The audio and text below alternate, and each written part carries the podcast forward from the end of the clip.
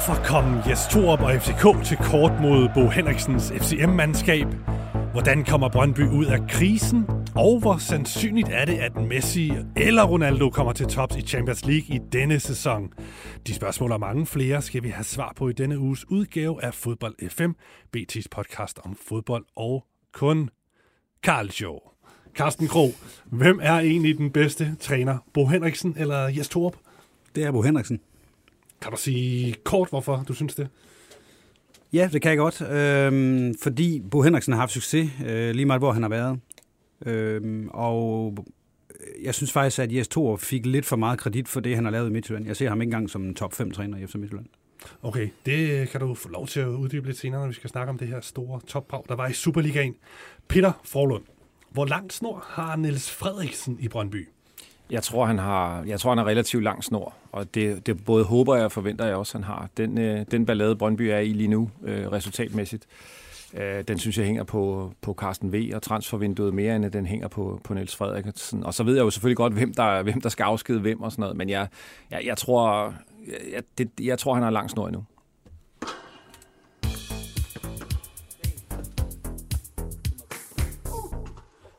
Sådan kom vi i gang med Fodbold FM. Mit navn er Steffen Kronemann, og velkommen til alle jer, der lytter og ser med. Og selvfølgelig også velkommen til panelet, som i denne uge består af Serie A-aficionadoen uh, Carsten Kro. Fodboldjournalist er du også ved siden af din Serie A-forkærlighed. Velkommen til. Mange tak. Og så, øh, så plejer jeg også at sige, at du er, følger FC Midtjylland tæt. Det er sådan den klub, der, der er dit hjerte nær, nærmest i, i Danmark. Ja, det, det er i hvert fald... Ja, jeg ser alle deres kampe og, og følger meget med, det er rigtigt nok. Ja, og så har du også en svaghed for Liverpool, men øh, det kan vi måske komme ind på. Og, og Lazio, hvis vi skal ind Og Lazio, ja, selvfølgelig. Peter Forlund, du er her også. Du er branding- og kommunikationsdirektør i Arbejdernes Landsbank, der jo som bekendt står på ryggen eller maven af noget, der ligner halvdelen af, Superligaens mandskaber. Det er sandt. Ja. Det er sandt. Næsten på nær Midtjylland, kan man sige, alle bundholdene, men uh, heldigvis hjælper de lidt på gennemsnittet.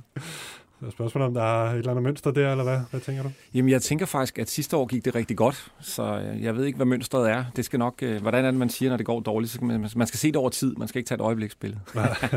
okay, og udover det, så er du også bare sådan en passioneret fodboldmand, som, uh, ja, du, jeg ved i hvert fald, du går til flere fodboldkampe, end jeg gør som uh, fodboldjournalist, men... Uh, ja, det er meget, det er meget. Ja.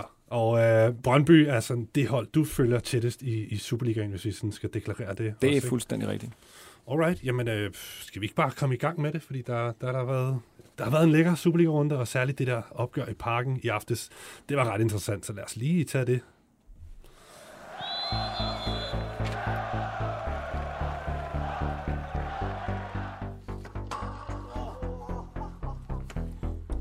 Ja, for der var altså to tophold på banen på et fyldt stadion, og masser af drama her i Superligaens primetime-opgør mellem FCK og FC Midtjylland. Ja, det, det, det havde det hele, det opgør, men ja, måske ikke lige, lige godt spil, vel, Carsten Kro.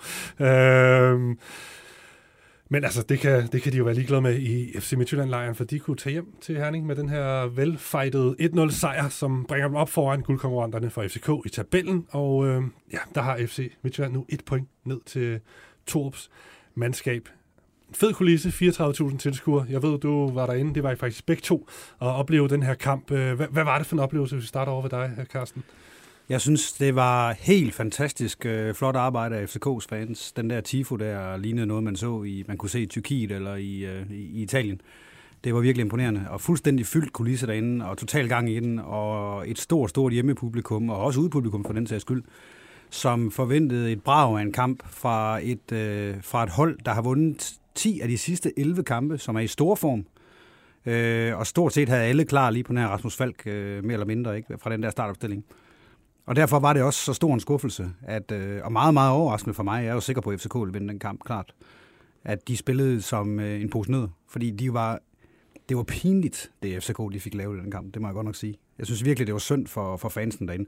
Og hatten af for de fans, de blev ved med at råbe indtil 10 minutter før tid, fordi det var jeg ikke sikker på, at jeg havde gjort, hvis jeg havde været FCK-fan. Så havde jeg måske buet i stedet for. Mm. Okay, lad mig sende den over til dig, øh, Forlund. Først og fremmest, altså, hvad var, på at sætte nogle ord på, på oplevelsen også, øh, det var med det her topopgør øh, med et, et stort set fyldt parken. Det plejer vi jo at se til, til derby, Københavner derby, men nu var det altså et FCK-FCM-mandskab. Hvad siger det egentlig om, om det opgør, at det er kommet derop, og så kan du også lige få lov at svare på, om du også synes, det var ligefrem pinligt, det FCK leverede? Jamen altså, jeg synes, det er fantastisk, at, øh, at vi har fået en kamp, som øh, kan være lige så stor som Brøndby FCK, og jeg håber, vi kan få nogle flere. Altså, man tænker jo, at øh, at kunne man få en 3-4 hold til, når de mødtes indbyrdes, så var der øh, fuld hus. Det ville da være dejligt. Jeg synes, det der i går, det havde, øh, for at bruge sådan en rigtig øh, kedelig kliché, der havde sådan en international snit. Det var en, øh, en, rigtig, øh, en rigtig, rigtig flot kulisse, og det var, alt omkring det var, var sat rigtig godt op. Så det, det, er, det er fantastisk og en super reklame for, for Superligaen, lige den del. Mm. Er, det, er han for hård, Carsten Krohn, når han siger, at det ligefrem var pinligt, det FC København, øh, de leverer? Altså, det er jo et stærkt hold, de er op imod, og ja, de spiller mod 10 mand, taber snævert 1-0, men Altså, jeg, ved, jeg synes måske pinligt er, er, er store men, men de, de var ikke gode, og de havde, øh, de havde rigtig svært ved at, at skabe noget, og, og har vel reelt en mulighed, som øh, i øvrigt var, mens de stadig var 11 mod 11. Øh, Jonas Vind et godt hovedstød, men, men, øh, men jo alligevel heller ikke en, en, en meget stor chance. Jeg, jeg synes, de, de sled med at få spillet til at fungere, og lavede utrolig mange fejl. Nogle af de spillere, som normalt øh, er ret gode øh, til at, at spille øh, de, at tage de rigtige beslutninger og spille den det rigtige sted hen, blev, øh, var, havde en dårlig dag i går, og det blev meget sådan noget øh, forsøg på at slå nogle indlæg ind i hovedet på Svirtchenko og Dalsgaard, og det, øh, altså, det har de ikke holdet til. Så jeg synes, øh, jeg synes, de var, jeg synes, de var øh, meget skuffende, og, og hvad har de en, en 3-4-65 med tillægstid minutters øh, 11 mod 10, og det kunne man alene se i boldbesiddelsen, og ikke noget som helst andet. Og det, det, var, det, var, det er skuffende, det synes jeg. Det tror jeg også, de selv ville være de første øh, til at erkende. Hmm. Hvor meget af det her er kredit til Bo Henriksens arbejde med, med sit mandskab, særligt efter de kommer, kommer ned og er, er 10 mand, og hvor meget er det øh, Jes Torup, der, der, der svigter lidt? Det kan du sætte lidt, lidt, lidt ord på, Carsten Krog, også i forlængelse af dit åbningsspørgsmål omkring, hvem der, du synes, der er den bedste træner. Ja, det kan jeg godt. Jeg synes, det er meget, jeg synes, jeg synes næsten kritikken af Bo Henriksen efterhånden, som den her motivator, der ikke ved noget om fodbold, den må, den må forstå dem, fordi det der, det var altså øh, det, det var en stor defensiv præstation af FC Midtjylland, efter det der tåbelige røde kort, som Evander han fik sig efter 27 minutter. I øvrigt så gjorde Bruninho, eller undskyld, øh, Paulinho nøjagtigt det samme på Brøndby Stadion, ikke? og den tabte de jo 2-0 Midtjylland. Det troede jeg også, de ville gøre her. Men øh, han fik det virkelig organiseret flot dernede, og, og når man kan stå komfortabelt så lavt, som, øh, som FC Midtjylland kunne i den her kamp, og det kunne de jo, øh, jamen så er det rigtig svært for modstanderne at skabe chancer. Og FCK formodede det slet ikke. Jeg tror, Rasmus Falk havde gjort en stor, stor forskel, hvis han havde været med. Fordi lige nøjagtigt den kamp her, der havde de haft brug for ham. I stedet for, så prøvede de, som Peter helt korrekt siger, at slå bolden ind i hovedet på Svirchenko og Dalsgaard. Og, altså, I've got news for you. Dalsgaard er en stor til lige så stærk i hovedspil, som Svirchenko er. Og ham Juninho, vi har fået til fra, øh, fra Brasilien, der, han kan også godt finde ud af hit. Så det er, det er nogle stærke, stærke gutter derinde. Jeg, jeg husker jo nærmest ikke, jeg husker ikke en redning fra, fra Midtjyllands målmand, som jeg stadig synes var man of the match. Og ham kommer vi måske nok tilbage til, ellers så får, kommer det i hvert fald, når, du, når vi skal lave noget, noget ros til, til, til Midtjylland og noget skulderklap senere. Øh, men jeg husker ikke en redning fra ham. Altså XG'en, hvis vi skal lave en lille smule statistik på den, ikke? Øh, XG'en for den her kamp, øh, den, var, øh, den var på 0,51 til FCK, 0,35 til FC Midtjylland. Det er jo pinligt, at et hold laver 0,51 på hjemmebane og, og spiller over en time med en mand i, i overtal. Så øh, jeg synes, det var, det, var, det var svagt, det der FCK. Og der er altså stadig et issue for FCK med fart. Fordi nu har de solgt Darami, som var den spiller, der havde fart. I går, der stiller Midtjylland, altså, jeg ved godt, de står lavt, og der ikke er meget bagrum og sådan noget der, men hvor, hvor, altså, hvor mange gange, I så også kampen, hvor mange gange kommer de igennem ude på fløjen? Hvor mange gange kommer de igennem og får slået et indlæg, altså fra, fra, fra bagfra? Ingen. Overhovedet ikke. Ikke en eneste gang kommer de forbi derude. De har ingen spillere med fart. Ikke med ordentlig fart.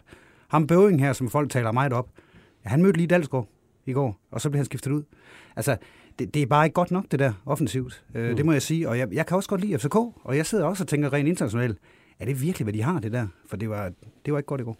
Det er jo ellers et FCK-mandskab, som er kommet godt fra land i, i den her sæson, og al kritik er nærmest forstummet. Vi har set dem, øh, ja, de førte jo Superligaen inden den her kamp, og de gør det også øh, godt i Europa, og vandt selvfølgelig også i, i midtugen her. Men han stiller med, med, med, med noget, der ligner sammenhold i, i, i fire kamp i streg, tror jeg i hvert fald, det er, øh, Peter Forlund. De spillede øh, torsdag aften i, i Bratislava. Er det en af forklaringer på, at øh, de måske så lidt, øh, lidt matte ud? FCK-spillerne ikke rigtig kunne finde vej igennem øh, FC Midtjyllands stærke defensiv? Ja, altså, det, det, det kan man jo godt lide at snakke om, det der efter Europacup-kampe og sådan noget. Øh, altså, ja, det, det, det tror jeg ikke, jeg synes. Altså, jeg, at de stiller med det samme hold, det tror jeg også er et udtryk for, at, øh, at truppen jo i virkeligheden ikke er så bred lige nu, som den har været øh, i, i nogle perioder. Øh, altså, jeg, jeg, jeg synes, øh, jeg synes der, der mangler noget fart, der mangler noget kreativitet. Jeg tror, at en, en falk i går øh, havde været øh, måske nøglen til at kunne, øh, kunne skaffe noget, noget, noget, nogle større muligheder, fordi, øh, altså, som, øh, som Carsten siger, en ting er, at det var, det var høje indlæg, de spillede, men det var jo faktisk også indlæg, der blev slået fra en, nogle dårligere vinkler. Altså, man kom ikke engang rigtig ned bag og sådan siger, jeg tror, øh, altså, en, en kreativ spiller, en, der var lidt, lidt dygtigere på bolden og måske tænkte øh, lidt, lidt større end dem, der er der, øh, der startede ind i går, det havde nok hjulpet, øh, det havde nok hjulpet, men, men altså, øh, nu skal man heller ikke, altså det, det, det er en kamp, og, og der var også flere, som spillede lidt under niveau, øh, så, så altså det, det, det, det er jo stadig et godt hold, og de, har, de kommer på med, med en stime af mange sejre og sådan noget, så altså, øh, man skal jo heller ikke begrave dem, fordi de tager en kamp, men de, de var overraskende dårlige i går, øh, og det må de jo så bruge de næste uger på at bevise os var en enlig svale. Øh, det ved man ikke. Hmm. Carsten Krog, du siger, du, du, det siger du inden udsendelsen går i gang, det ved jeg ikke, om du vil sige on er også, at uh, du tror stadig, at FCK bliver danske mester.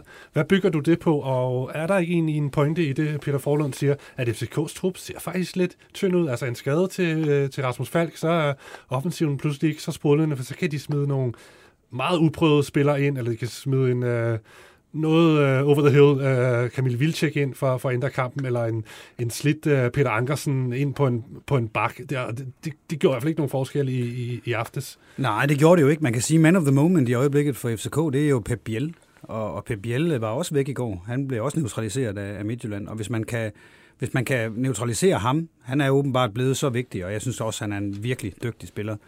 Øh, så havde de bare ikke ret meget, og du har da fuldstændig ret i, hvem skal de skifte ind? Da de skiftede Vildse ind, der, der tror jeg, Bo Henriksen og de andre, og Christian Bakke ude på sidelinjen, så havde jeg tænkt, kanon, ja. ham vil gerne ind. Ja. Fordi det, det betyder, at der kommer en masse indlæg ind i hovedet på vores forsvarsspillere, det kan vi godt lide. Øh, og han havde jo heller ikke noget. Der var lige den ene der, hvor, øh, hvor, øh, hvor Vind han tog en chance fra Vilcek, det tror jeg var godt for FC Midtjylland, for der var Vilcek helt blank. Den tror jeg, han havde i kassen. Den lå bedre til Vilcek, men... Ja, ja og dem der brænder han ikke. Nej. Så det, det, var sådan, det, det, havde været det der ene mål, de, de havde brug for, tænker jeg. Og prøv at høre her, Midtjylland havde heller ikke fortjent at vinde. Det, det der, det var en 0-0-kamp. Øh, men derfor er det alligevel Derfor er den positive historie alligevel, at FC Midtjylland vinder kampen. Havde de fået 0-0, havde det også været en enorm positiv historie, ikke? fordi de spiller i over en time med en, øh, med en mand i undertal. Men hvordan kan du sige, at uh, du tror, at FCK vinder guldet så? Efter det, du har set i aftes, og de fører med et point ja, det fik jeg slet ikke svaret på. Nej. Det skal jeg sagtens. Jamen, jamen, jeg, synes, de er, jeg synes, de har en bedre trup end FC Midtjylland i den her sæson, og jeg synes stadig, trods alt, øh, at, øh, at de har nogle, nogle virkelig dygtige spillere. Det her, det var kun den ene kamp, og jeg synes, de har spillet, de har fået lukket i forsvaret, ikke? Det mål, Midtjylland scorer i går, det er jo det er et fluk, det, det er held og de scorer på 0,35 XG, de skaber ingenting. Jeg ved godt, de er en mand i undertal, men de skaber heller ikke noget, før de, de bare en mand i undertal. Så deres forsvar er begyndt at køre, og øh, jeg synes, FCK sådan traditionelt set, når deres forsvar kører, så plejer det at være et hold, der vinder det danske mesterskab. Men prøv at høre her. FCK har jo ifølge øh, weekendavis, øh, undskyld, øh, tipsbladet her i fredags, der har de et budget på 170 millioner i Danmark, det højeste nogensinde. Øh, FC Midtjylland har et på 125 millioner, som er det næsthøjeste, men meget, meget større end Brøndby, som er på 65 millioner i øjeblikket. Alt sammen ifølge tipsbladet. Det, det vil de selvfølgelig ikke bekræfte, de her klubber, men vi tænker, det er ret tæt på. Så FCK skal bare vinde det mesterskab i år, og det er deres tur, og jeg, og jeg tror også, at de er den lille smule stærkere end FC mm. Hvad er din fornemmelse, hvis vi bare lige tager den over til dig også, Forlund, i forhold til styrkeforholdet op på den, på den ja. lange bane? i den ja, sæson? Jamen, jeg tror faktisk også på, at uh, øh, FC København uh, vinder i, i den her sæson. Det, det, det gør jeg. Uh, altså det, jeg synes... Uh, jeg synes også, der er meget, der peger i den retning. Jeg synes, der er meget, der har, i, altså lige i går, øh, selvfølgelig øh, eksklusiv i går, som har set fornuftigt ud, og at der måske var ved at komme øh, lidt struktur, endnu mere struktur og, og styr på det hele. Defensiven er, som Carsten siger, på plads, og man er jo altså, det skal vi huske, stadig øh, det mest scorende hold øh, i Superligaen og så videre, så, så man har også kunne lave nogle mål. Så, så kan, man, øh, altså, kan man få den kamp i går isoleret til at være en, om ikke enlig svale, så i hvert fald noget, der sker meget sjældent, så tror jeg på dem som danske mestre. Der er meget kvalitet i den trup, øh, det er der. Mm. Okay, vi kommer til at zoome lidt ind på Jes Torp, særligt her øh, efter kampen. Der kom han med en, med en udtalelse, der har vagt opsigt, øh, må man sige. Øh, men, men altså... Ja, hvor ville han? Hvor ville han? Øh, jo, han siger, men, men en ting, han siger, og, og også i forbindelse med kampen her, det var, at, øh, at presset øh, fra, fra omgivelserne måske tyngede spillerne øh, FCK-spillerne i den her kamp. Altså det her med, at der var fuldt hus, og alle ville have en øh, stor FCK-fest. Øh, og så siger han også det her med, at øh, måske var 11 mod 10 en ulempe for FCK. Køber du den, når en øh, fodboldtræner for FCK, han siger den slags? 0,0. Altså det, det er noget af det sørgeligste kommunikation, man næsten kan komme med. Det er sådan noget som det der. Og, og altså, hvis, øh, hvis det virkelig er et problem, at der er mange tilskuere, så skal man jo lade være at lukke dem ind. Altså, så, så, så skal man gå ned i den kommercielle afdeling og bede dem om at halvere antallet af billetter, eller hvad der nu skal til. Og, og det der med, at det ikke er en fordel at spille 11 mod 10, altså jeg er med på, det er, det er der jo stribevis af eksempler på, at det er vanskeligt at spille 11 mod 10. Men der er også stribevis af eksempler på, at det er vanskeligt at spille 10 mod 11. Så det handler jo lidt om, hvordan man, man griber det an. Jeg synes generelt, altså, de spillede dårligt i går. Der var mange ting, der ikke fungerede. Øh, og det håber jeg, at han har fokus på indad til, og det andet bare er et forsøg på at tale sig, tale sig udenom det. Det, der er et problem, synes jeg, når man sådan følger lidt med, når han, når han har nogle af de her udtalelser. Han havde også nogle andre, som var, øh, synes jeg, lidt uheldige. Altså, der sidder en masse fans øh, af FC København og tænker, at det her FC København-kommunikation. Og det, det, øh, det, det håber jeg ikke, det er. Altså, det, det er ikke en stor klub værdigt, synes jeg, at, at, øh, at bruge undskyldninger af den her karakter. Det synes jeg ikke, det er. Mm. En anden ting med Jes Torp, det tror faktisk, det var det, jeg heller ville have spurgt om. Det, det var det her med, at øh, at der har været en del skepsis fra FCK-fans og fra kritikere og eksperter i forhold til hans projekt med FC København. Han har jo snart været der i et år. Og han kom rigtig dårligt fra start. Øh, jeg mener, de taber den første kamp i Superligaen her øh, i den her sæson. Men siden da har de så vundet alt. Og så er det som om, at kritikken har været forstummet. Men, øh, men, men nu møder de så FC Midtjylland for første gang øh, deres direkte konkurrent til, til guldet, og de har ikke et drama her. Det var på en eller anden måde en form for, for svendeprøve for Jes Torp. Carsten Krog, øh, den består han vel så ikke? Og, og, og giver det anledning til bekymring, tænker du, for, for FCK-fans? Selvom du, du siger godt nok, at du tror, de vinder på den lange bane, men kan det her ikke være noget, hvor man tænker, uha, holder det alligevel, det her? Jo, jeg synes faktisk, dit, dit udtryk med svendeprøve er, er helt korrekt her, fordi hvem har FCK mødt i den her sæson sådan for alvor på hjemmebane, og i øvrigt også i Europa, altså. Så har det heller ikke været stærkere, det de har slået. De har vundet og vundet og vundet, ja, ja, men hvem har de vundet over? Øh, nu, får de, nu fik de et hold på hjemmebane her, som de har det øh, traditionelt meget, meget svært med, og det må man også sige, de havde i går. Jeg giver dig helt ret i, at det der, det er anledning til bekymring, og når jeg siger, at jeg tror, at FCK vinder dansk mesterskab, så, så siger jeg heller ikke, at jeg tror, at de vinder det nødvendigvis helt vildt overlegnet. Det der i går, det må, det må give anledning til panderynker, det er der ingen tvivl om. Midtjylland kommer uden deres måske bedste midtbanespillere øh, i Kahuste, og så deres nye angriber til 35 millioner, som, øh, som alt andet lige burde være en forstærkning til holdet også. Jeg tænker, at han skal spille, når han koster 35 millioner og var alligevel lige så gode øh, som FCK, og var endda en mand i undertal i en team. Jeg vil godt lige sige også, øh, nu, nu roser vi Midtlands forsvar meget, og vi kommer sikkert til målmanden øh, på et tidspunkt også. Jeg vil lige sige, de der to angriber Midtland har i går i Brumado, som scorede lidt heldigt mål, men nøj, hvor spiller han godt. Særligt altså, i anden halvleg, ikke? Særligt i anden halvleg. Ja, første halvleg, det er helt væk. Men, men mm. sådan er det med ham nogle gange. Ja. Men i, i anden halvleg der, hver eneste gang de slår bolden op på ham, ikke? Altså, lad I mærke til, hvor stærk han er. Altså, det, det, ham der, og Dix, Dix er også en, en rimelig stærk gut. Han blev jo væltet rundt som lille barn, ikke? Altså, han er så stærk.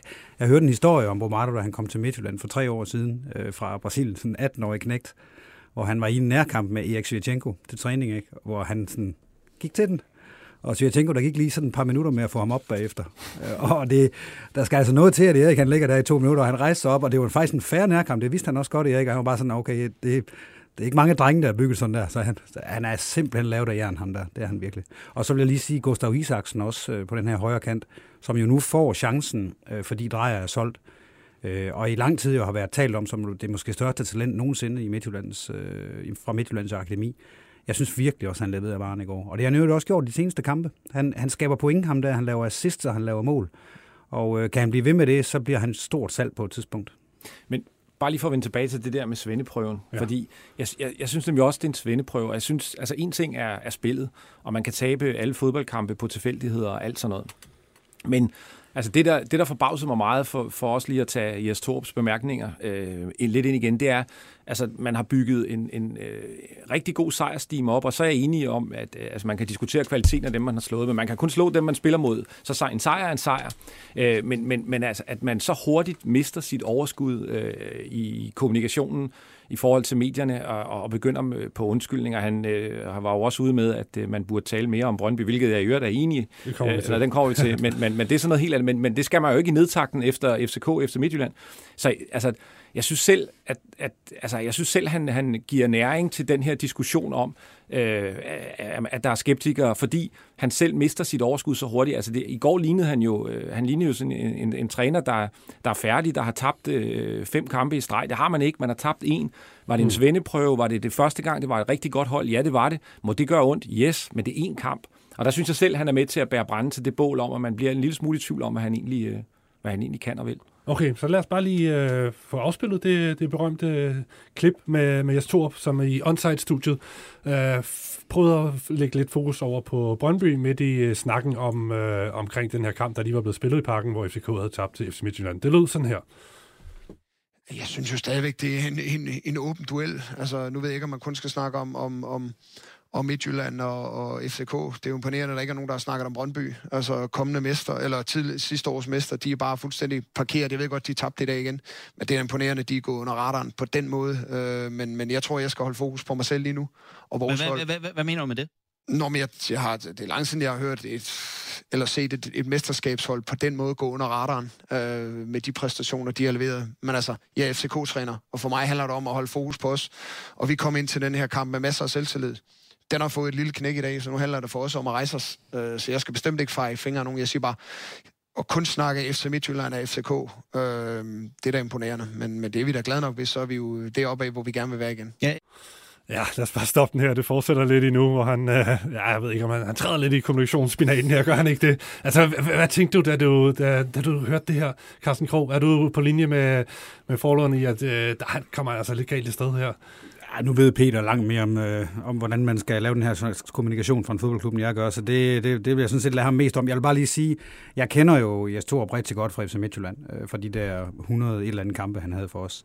Og det der, det er meget usædvanligt for Jes Torup, øh, fordi jeg, jeg synes ikke, at Jes Torup er verdens bedste fodboldtræner, slet ikke på lang sigt. Han var rigtig dårlig til for eksempel at udvikle vores spillere og give de unge spillere plads og sådan noget der. Så på den måde synes jeg ikke, han var nogen specielt god fodboldtræner, men udadtil, altså i, i medierne, var han faktisk altid ekstremt rolig. Og det var noget, som, øh, som man i Midtjylland var, var ret glad for. Og det var faktisk lige meget, om man tabte nogle store kampe, eller vandt nogle store kampe. Der, det, jeg synes faktisk, det var hans allerstørste styrke i Midtjylland. Det var, at man, man havde sådan en fornemmelse af, at man havde den der klippe som træner. Det kan godt være, at han ikke var den største taktiske begavelse osv., men han var sådan en klippe. Og det der, det, det lyder slet ikke som ham. Det, det er slet ikke sådan noget. Det, det der det er et forsøg, et meget klodset forsøg på at lave spin. Og, øh, og der kan man sige, at Ståle var bedre til at lave spin. Jeg synes, det var død irriterende, at Ståle altid skulle lave det spin der, men han var bedre til det. Øh, yes, det der, det, hvad er det for noget vrøvl? Og, og, og det er lige efter Midtjylland og, og, og Brøndby har spillet, eller undskyld, Midtjylland og FCK har spillet deres kamp. Hvorfor skulle de begynde at snakke noget helt andet der? Det, det er helt... Og det, det der, det ligner ikke Stor. Hmm. Det har han aldrig gjort i Midtjylland, det der. Det er også noget af det, vi har snakket om herinde på redaktionen her på BT, med at det, det virkede som et forsøg på at lave en, en ståle, hvor det var jo noget af det, han var dygtig til, Ståle Solbakken, som øh, magtfuld FCK-træner, om at den er positiv, eller den her arrogance, som de gerne vil have, der kunne han bare gå ind og sige et eller andet, ja. og ligesom rykke fokus over på, på et eller andet tema, eller et eller andet aspekt af den her kamp. Det kunne være et eller andet med banen, det kunne være noget med dommeren, eller et eller andet. Det virker lidt som om, det er det, jeg står op, han prøver på, men Kommer han i mål med det, Peter Forlund? Det Nej, det gør han jo selvfølgelig ikke. Altså, det, det, er, det, det er håbløst. Og, og, altså, det, det, jeg også synes, der, der, der sådan er ret sjovt, det er, det virker som om, han sådan selv opdager det, mens han taler, og som prøver at... Øh, altså, jeg er helt vild med den der bemærkning om, at øh, jeg skal jo have fokus på mig selv. Det er jo så det eneste, han faktisk ikke har, kan man sige. Så, så det er sådan ret, altså det, det, det, det er ret klodset. Og jeg tror, jeg tror faktisk, jeg tror også, det er et forsøg på at lave noget spændende. Det er et forsøg på at få noget, øh, få noget andet dialog i gang, men den er simpelthen for langt væk, fordi du sagde øh, nøgleordet lige før, altså Ståle fandt noget andet i kampen som regel. Han fandt et eller andet, så var det banen, så var det dommerne, så var der et eller andet, det var tredje gang, der var sket, eller femte gang, det var sket, eller et eller andet. Det Torup gør, det er at begynde at tale om en klub, som har performet håbløst i ni kampe. Det har han ret i, øh, og det er jo en fin øh, snak i sig selv, men det har helt uendeligt lidt med, med FC København og FC Midtjylland at gøre. Så det, det er det, det er ualmindeligt ringe, og, og det kan godt være, at det er ude af karakter, så godt kender jeg ham ikke, men, men, øh, men jeg, jeg kunne da forestille mig, at øh, Monique han, øh, han tager en snak med nogen fra kommunikationsafdelingen, som kan hjælpe ham, så det ikke sker igen, det tror mm. jeg. Altså spørgsmålet er lidt, hvorfor han gør det. det, det jeg kunne ikke lade være med at tænke over det bagefter, fordi det er ude af karakter for jeg stod op det her. Det, det ligner slet ikke ham det her. Han, han, er, han er så rolig, og det har han bare altid været. Øh, så spørgsmålet er, hvorfor han gør det her, om han føler sig, og måske blev han så overrasket over, hvor svag den her præstation var. Altså, det, det skal jeg ikke kunne sige, men, men der er en eller anden mystisk grund til, at han begynder på det her, fordi det ligner ikke ham. Mm. Okay, skal vi øh, lade den være der øh, med, med, med, med Torp øh, og sige, give ham lidt, lidt fred i forhold til Vi den giver ham lidt fred. Det Ja. har han brug for, virker det til. lige få lidt luft til hjernen, ja. inden han næste gang skal i onsite studio eller noget andet. Alright, øh, jeg kan mærke, Carsten Krog, du har lyst til at sige lidt om den unge målmand Olofsson. Skal vi ikke bare få det fyret af nu, hvor vi snakker om den her kamp? Hvad, hvad er det, du ser i ham? Uh, har han slået løsslag nu, eller hvad, hvad, hvad tænker du? Nej, men historien om Olsen er ret fantastisk, ikke? fordi de henter, Midtjylland henter ham for tre år siden i 2018, og, og, og ser bare et kæmpe stort talent i ham. Han er, han er to meter en høj, så det er en, det er en ordentlig dreng, det her. ikke? Øh, og de er, bare, de er vildt begejstrede for ham. Han kommer til Midtjylland, han spiller på det der Youth League-hold, som kommer i kvartfinalen i Champions League, hvor han er med altså, den bedste målmand i, de, i det Youth League der. Og der, han er også blevet noteret alle steder simpelthen. Ikke? Fordi han er jo allerede så stor der. Han er god med fødderne. Han var rigtig god på straffespark. Han, er, han har altid haft den her, øh, jeg ved ikke, om I lader mærke så meget autoritet, han havde i feltet i går. Ikke? Det, er- det, er sådan, det er en gut på 21, det her. Det er hans suverænt største kamp i karrieren. Og han springer bare ud midt i Han laver ikke en eneste fejl i hele kampen. Det kan godt være, at han ikke laver store redninger, men jeg kunne da ikke lade være med at tænke, bliver han ikke nervøs nu? Og, og det gjorde han jo altså ikke. Og det er, det er sådan en gut, som man så i Midtjylland, i stedet for at smide ham på en eller anden øh, reservebænk eller noget, så leger man ham ud til en anden divisionsklub, til Aarhus Fremad, øh, i en sæson. Og derefter så leger man ham ud til en første divisionsklub, nemlig Fredericia, i sidste sæson. Så han har spillet, og det, der gør ham så god nu, det er jo, at han har fået lov til at spille fodboldkampe, altså for alvor. Han ikke bare har spillet reserve, reserveholdskampe og sådan noget, fordi det bliver du ikke en god målmand af. Du skal jo derind, hvor det gør ondt, når du laver en stor fejl, og du skal lære af den fejl. Så han, og hør nu her, han kommer til at lave fejl, det er der ingen tvivl om. Men han er et kæmpe talent, og hvis han var dansker, så kunne han godt være en af afløserne efter, efter, efter Kasper Schmeichel, når Schmeichel nogle gange stopper. Ikke? Ja. Selvfølgelig er han ikke det niveau. Men, men Peimer, øh, vis mig en 21-årig dansk målmand, der er lige så god som ham. Jamen, det, det, det, tror jeg ikke, du kan. Det er det. Ved du hvad, jeg var lige inde og dobbelttjekke, om han, han er islænding, ikke? Altså, det, det, det er han jo, men uh, han, han, må have, han må have nogle uh, danske aner et eller andet Ja, sted. kan man lave et eller andet? Er det ikke englænder, der plejer at være gode til det der med at finde en eller anden øh, oldemor? Eller Tyrker, tyrker er gode til det også. Italienere er rigtig gode også. Ja, han var utrolig god, og jeg er nemlig enig. Jeg så også tænkt over det der med, øh, altså der var jo mange høje bolde, og en ting er, at han har et forsvar, som, øh, som hætter boldene væk for ham i, i mange tilfælde. Men han er jo heller ikke ude og klovne, altså hvor han ligesom bliver, bliver reddet af at have to store, stærke folk, der kan hætte væk. Han er ude, når han skal komme ud, øh, og han er ikke ude, når han ikke skal. Altså jeg, jeg synes også, han så, han så faktisk mere rutineret ud, end han var. Man kunne sige, at øh, han kunne måske medietræne Jes Torup. Den ro kunne man godt, øh, kunne man godt bruge. Nej, men han var, han var dygtig. Øh, det, og man ville jo ellers mene, at, mis, at mangle løssel kunne godt være en, en af de afgørende faktorer i sådan en kamp. Men det, øh, det tror jeg ikke, de har følt. Selvom han også er en god målmand, vil jeg lige skynde mig. Og,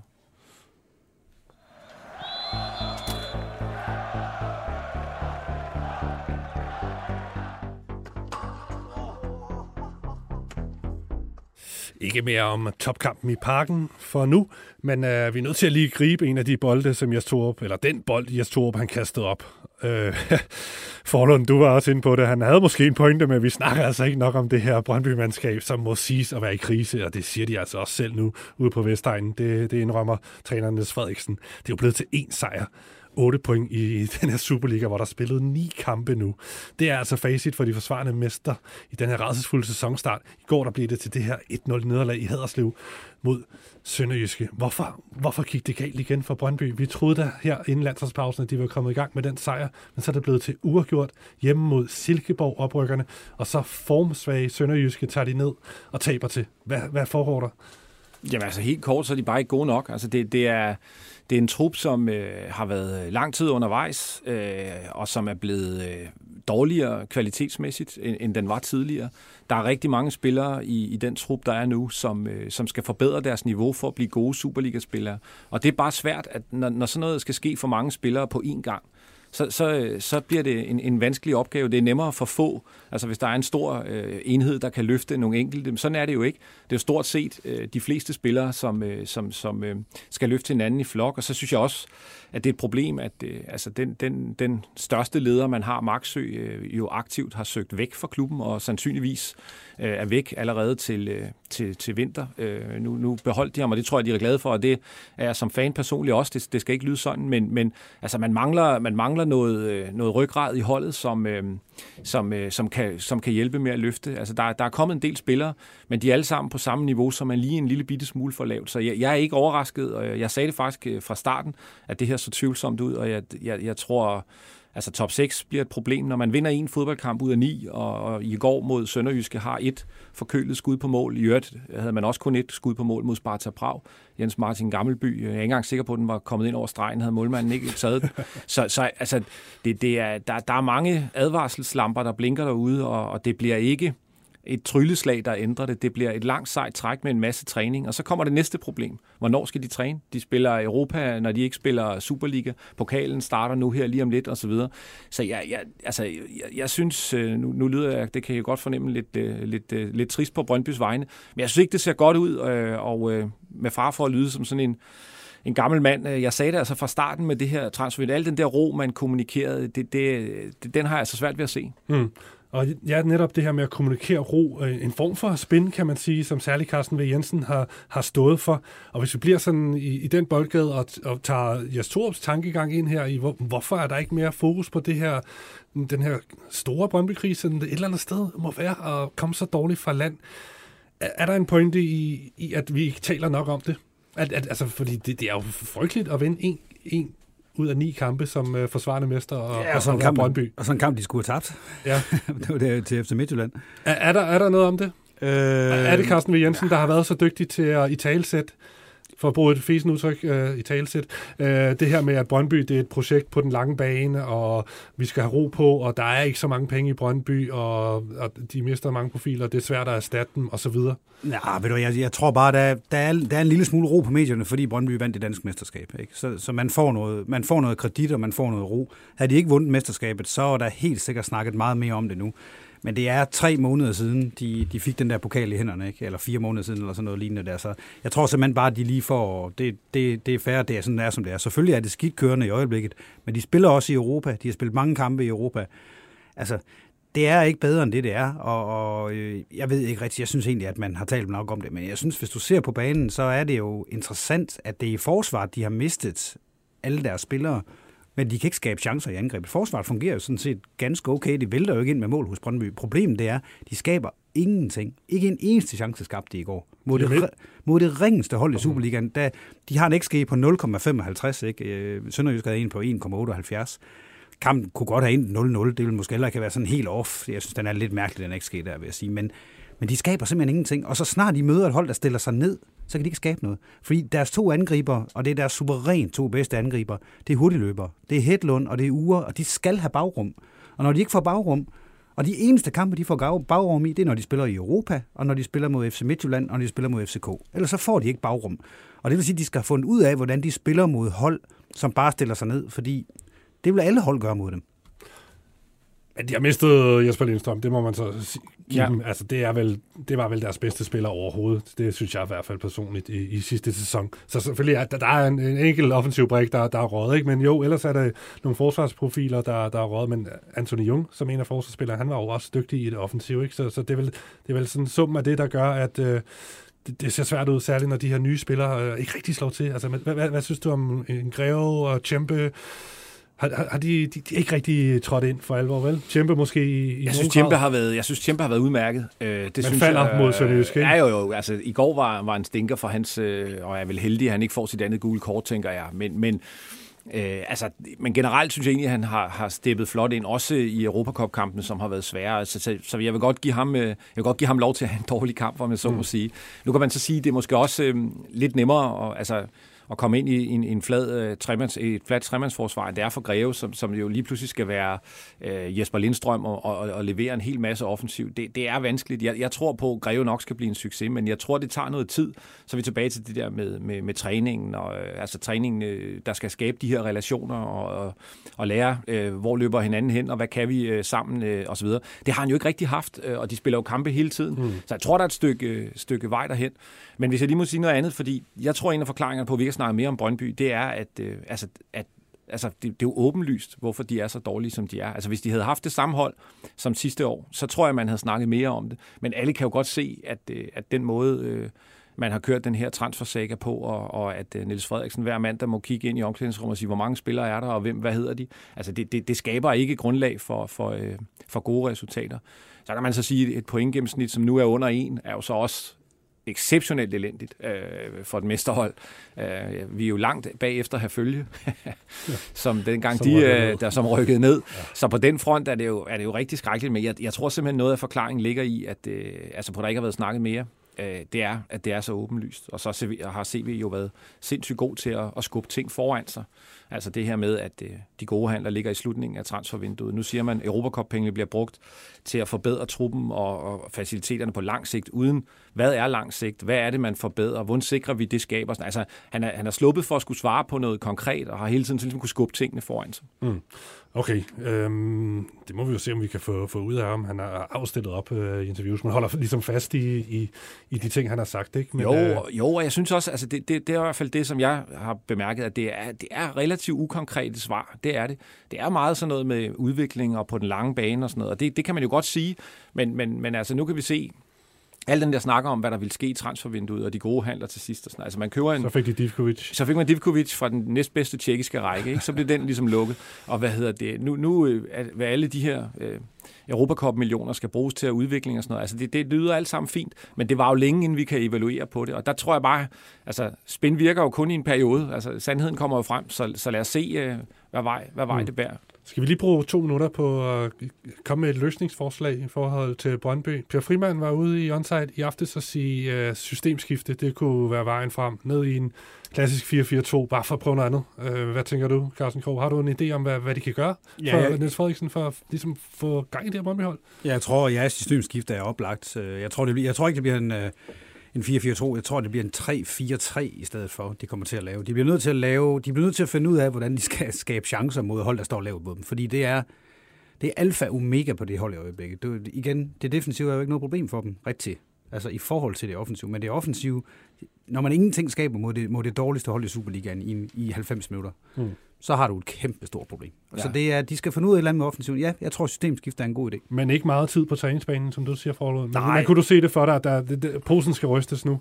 Ja, det kunne jeg godt, men altså, jeg, jeg kunne bedre tænke mig, at når man spiller mod øh, nogle af de hold, som, øh, som er som, øh, hvad hedder det, der står så langt tilbage, at man så måske øh, har i mindre grad både Radosevic og Frandrup, det ved jeg godt, man havde i går, men altså, at man måske også prøver at, at, at spille... Øh, øh, hvad skal vi sige, en, en lidt mere offensiv, øh, og lidt, tager de kreative kræfter, man har, øh, måske ind lidt tidligere, i stedet for at lade det være en nødløsning, når man har spillet 60 minutter uden man kan. Jeg, jeg er ikke sikker på, altså spillerne er de samme, jeg er ikke sikker på, at systemskiftet er nok. Øh, jeg, jeg tror, det bliver svært for dem at, at, at få gjort noget ved det her, og jeg tror, man skal, man, man skal arbejde sig ud af det, øh, og det kommer til at tage tid, og så vil jeg stadig sige, så skal de spillere, der skal rykke sig, de skal jo også rykke sig. Altså gør de ikke det, så kommer Brøndby ikke til at slutte særlig højt i den her sæson.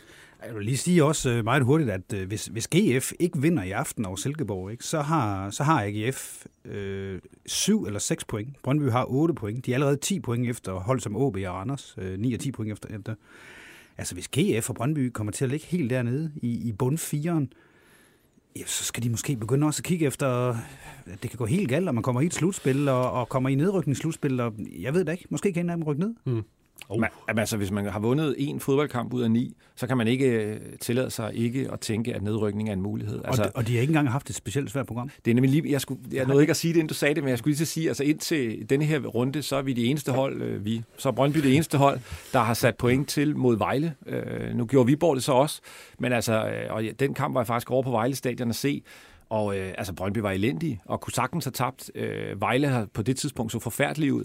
I går tager man til, som du selv øh, sagde lige før, Carsten, et, et meget formsvagt sønderjyske hold. Og sådan Altså, jeg, jeg, jeg synes, øh, når man kigger på, på programmet, sammensætningen af det osv., altså, der er alle de lamper, der kan, der kan lyse, de lyser i min bog store udmeldinger af mulig Brøndby nedrykningsfar, AGF nedrykningsfar kommer med. Altså det kommer jeg til at hænge op på her og se, når vi kommer længere ind i sæsonen. Det, det er helt sikkert, men det ser i hvert fald skidt ud for, for begge mandskaber. Og øh, i forhold til det her med, med programmet, så har de jo meget formstærke OB i, i næste runde. OB, jeg lover, vi skal nok øh, snakke om dem i næste uge, tænker jeg, laver, gør plads til at lige snakke om deres øh, sæson hidtil, for det, der sker spændende ting derop. Det gør det. Men, men øh, men nu møder de altså, nu mødes de to hold, OB og Brøndby. Lad os nu sige, at Brøndby taber der. Er begynder at sidde sig der og blive varmt under Niels Frederiksen, eller Mener det, du stadig... Jamen, det der, det, Stak, Stakkels Peter, der skal svare på ja, det der igen. Ja, du kan også få lov at byde ind lige. jeg, jeg tænker faktisk helt grundlæggende, altså, så, så jeg, jeg kan ikke se, at Carsten V. kan fyre Niels Frederiksen. Okay. Det kan han ikke, af den simple grund, at en blind kan se med sin førerhund, at fejlene omkring den her sæson, de ligger på CV's bord. Niels Frederiksen gjorde et hold, der ikke bør blive danske mester nødvendigvis i hvert fald, til danske mester. Altså ja, det, det, det, den, det vil give ham en... Han bliver ikke særlig populær på Vestegnen, tror jeg, hvis han tør denne her af på, øh, på træneren. Hvad tænker du, Carsten Krog? Kan der ikke være et eller andet i, i, i træneren? Nu freder vi nærmest øh, Niels Frederiksen, men det, der må da også være trods alt noget, der falder tilbage på ham. Sådan en dårlig ja, ja, nu for en sjældent gang skyld, så er jeg en lille smule uenig med, med Peter her, fordi øh, jeg synes faktisk, at Niels Frederiksen laver nogle fejl øh, i, i nogle kampe. Og den der Midtjylland-kamp, hvor de bliver fuldkommen fejret af bord de første 20 minutter og kan være bagud 3-0, der stiller han jo fuldstændig håbløst op. Han ved jo godt, at Midtjylland kommer med, med tre miniputter øh, op foran, og alligevel så stiller han op, som om, at de kommer med, med en stor nier. De har ingen stor nier. Han er i karantæne. Og derfor så laver han det om, og så siger folk, det var, det var flot set og sådan noget der. Jamen, det var da, det var da dårligt set øh, fra starten, simpelthen. Og dem synes jeg, han har lavet, øh, han har lavet nogle, nogle, nogle bummer der, så jeg, jeg, jeg, jeg synes ikke kun, det, det er CV. Jeg synes også, han har lidt at sige. Men så vil jeg lige sige, et dansk mesterskab, det freder altså en træner. Må jeg, må jeg ikke lige få til det, fordi jeg er faktisk enig. Han har lavet nogle fejl. Når jeg ikke hvad skal man sige, konterer dem øh, alvorligt nok til, at det kan give en fyring, så er det fordi, jeg, jeg synes, arbejdsvilkårene overtrumfer. Altså, han, han famler, jeg, det tror jeg virkelig, han gør. Det, det er jo et negativt ord. Jeg tror, han leder, for at bruge et bedre ord, efter øh, den bedste måde at bruge øh, det meget begrænsede personale, han har på. Og det har han lavet nogle fejl med, det er jeg med på. Men, men, øh, men, men vurderer dem så lidt anderledes i, i, i styrke end dig. Men jeg tror egentlig, vi er, vi er langt hen ad vejen enige. Jeg tror bare ikke, det fører til en fyring.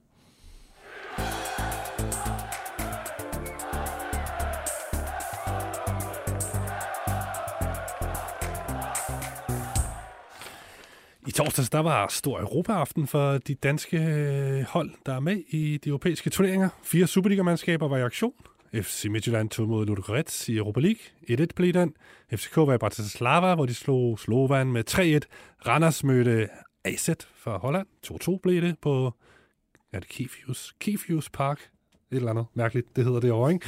Og Brøndby, de gjorde comeback i det europæiske gruppespil efter 16 års fravær 0-0 mod Sparta Prag. Vi skal lige bruge de sidste minutter af første halvleg til lige at sætte nogle ord på, på det, vi så i, i torsdags, og lad os da bare blive i Brøndby. Skal vi gøre det, Peter Forlund? Jeg vil ved en tusind lap på, at du var på stadion for at se den her næsten historiske Europa-kamp, ikke? Jeg håber ikke, der er nogen, der tager det vedmål, for så tager de. Selvfølgelig var jeg på Brøndby Stadion. Øh hvad lærte du kampen. for at bruge øh, den lidt slidte frase? Jamen, jeg, altså, jeg synes egentlig meget af det, vi snakker om her, var det, man lærte. Altså, de, defensiven stod rigtig godt. Jeg synes ikke, man gav ret meget væk. Jeg tror, Sparta har en øh, halvanden mulighed. Øh, men i den anden ende øh, må jeg så bare også sige, at Brøndby har ingen. Så jeg synes egentlig, altså Sparta er et bedre hold, end, end, end Brøndby er, og nu havde de nogle skader, men det er stadig et fornuftigt hold, øh, og øh, jeg synes egentlig, at resultatet er fint, men kampen viser, lige nøjagtigt, hvilke problemer Brøndby har, og så heldigvis også, at der er nogen, man ikke har. Nu talte vi en, øh, en målmand, øh, hvad hedder det, fra Midtjylland, øh, som er rigtig dygtig. Men det synes jeg faktisk også, Brøndbys unge målmand har vist sig at være, øh, og stod godt igen, øh, også i en lidt presset kamp, og var, var sådan øh, ret, øh, ret sikker. Det synes jeg generelt, han har lavet. Der har været, der har været et par enkelte fejl, men han har øh, så heller ikke haft, øh, hvad skal man sige, et velfungerende hold foran sig. Så jeg, jeg synes, defensiven fungerer. Brøndby kan godt koncentrere sig i 90 minutter og give meget lidt væk. Men chancen for, at, lave, øh, for at de laver mål, den er efterhånden øh, i sådan nogle kampe meget, meget lille. De skabte absolut ingenting, og deres pres øh, var på intet tidspunkt effektivt øh, og skabte mm. ingenting. Så det, det, det var sådan en, det var sådan en mærkelig fornemmelse, fordi jeg ved ikke, kan I huske i gamle dage, en af Mogens Palles bokser, Hassan Al, når han boksede. Ikke? Han, han stod også og svingede med armene i 15 omgang, men han ramte aldrig rigtig nogen, og der var heller ikke nogen, der ramte ham. Men det var meget sjovt at se på alligevel, og sådan havde jeg det lidt, da jeg gik, jeg gik hjem fra Brøndby Stadion, at, at der havde været en masse asen og masen, men reelt, hvad var der egentlig sket? Ikke ret meget. Mm. Man, man fornemmede ikke rigtigt, at det der Brøndby-mandskab... Eller man for, jeg sad med fornemmelsen, at det her... Ja, det er jo ikke på den måde... Altså, det er jo de forsvarende danske mester, men det er jo ikke et stort Brøndby-mandskab, vi ser her. Nej. Og man er svært ved at se dem lave andet end ja, en flot fightet 0-0 uafgjort hjem i det her Europa-gruppespil, eller hvordan har du det? det ja, men, det, det, men du, rammer, du rammer jo noget meget centralt, ikke? fordi det er jo lige præcis det. Altså, man, man vil jo gerne have den der, den der sådan rigtige øh, European night, altså, hvor at de virkelig tager, øh, tager mulighederne på sig og vinder sådan en kamp, men det, det er de ikke gode nok til. Mm. Så de skal kæmpe for at få en, øh, en 0-0'er, ikke? Og når, når så øh, Hedlund og Ure i løbet af anden halvleg øh, løber, løber tør for kræfter, og de skifter øh, Pavlovic og Divkovic ind, så ved man, at man kommer, altså, sandsynligheden for, at du ser Loch Ness-uhyret er større, end du ser et mål. Og det, altså, det er et problem. Det er det. Okay, men øh, det bliver uanset hvad, kunne jeg forestille mig. Du glæder dig til at se dem øh, fremover i, Meget. i eller resten Altså, af efteråret her i absolut. det her gruppespil. Okay, lad os hoppe over til Herning, hvor Midtjylland ah, skuffede de ikke lidt der med at få 1-1 mod Ludo- Ludogorets. Var det ikke en af de kampe, de, de skal vinde, hvis de vil gøre sig forhåbninger i den her Europa League-gruppe, som de har havnet i, Carsten Krog? Øh, jo og nej. Øh, de skuffede, jo, helt sikkert. Men altså, prøv at høre her. De har en, øh, den ender 1-1. Statistikkerne siger 17-3 i skud på mål, 14-2 i chancer skabt, og 2-1 i store chancer. Men det gør det jo kun endnu værre, at de ikke vinder, ikke? Og, og XG'en er 2,19 mod 0,44, så de skal jo vinde den kamp. Og det er, det er jo rent uheldigt, at de ikke vinder den. Men, men det er skidt, og det vil jeg godt give dig ret i. Og det her, det var den på papir den nemmeste kamp overhovedet i den gruppe der. Det kan man slet ikke komme udenom. Så det, ja, det, det er ærgerligt, at de ikke vinder den kamp, men jeg synes faktisk, de gør nærmest alting rigtigt. Og de har nogle... Altså, den der øh, pionicist, du har fra kanten af det lille felt, hvor øh, Gustav Isaksen sætter ham op, det er jo en kæmpe chance. Det er utroligt, at den ikke går ind. Øh, og, og sådan er det bare. Men, men vi skal også lige være klar over, at Ludogorets er altså et godt hold. Og det er et hold, der er vant til at spille i Europa. Og de trak jo, jeg tror, jeg tror vi spillede effektivt 7 minutter i anden halvleg, eller sådan noget. Ikke? De trak tiden så meget, og de var så gode til det. Og de fik en stor chance, og det var det rene uheld. Det var en afrettet bold. Og det er altså godt sparket ind af ham der, der, der scorer der. Han reagerer lynhurtigt, simpelthen. ikke. Altså, og, og han får den sparket ind, og så ved man bare... Altså, jeg var helt sikker, jeg tror også, jeg skrev på, på de, de, de, de stakler, der følger mig på Twitter, øh, fordi jeg, jeg skriver meget på Twitter, de så også, jeg, skrev, jeg tror, jeg skrev fem minutter efter den kamp, efter det mål, så sagde jeg, at den her ender uafgjort. For man kunne bare se det. Det var et hold, der kunne lukke sådan en kamp ned, og det synes jeg faktisk, de var gode til. Mm. Jeg vil så lige sige, Steffen, før vi siger det der med, at de skulle vinde den her kamp for at gå videre i den pulje, det tror jeg ikke, de skal, fordi den pulje her, den er meget, meget tæt.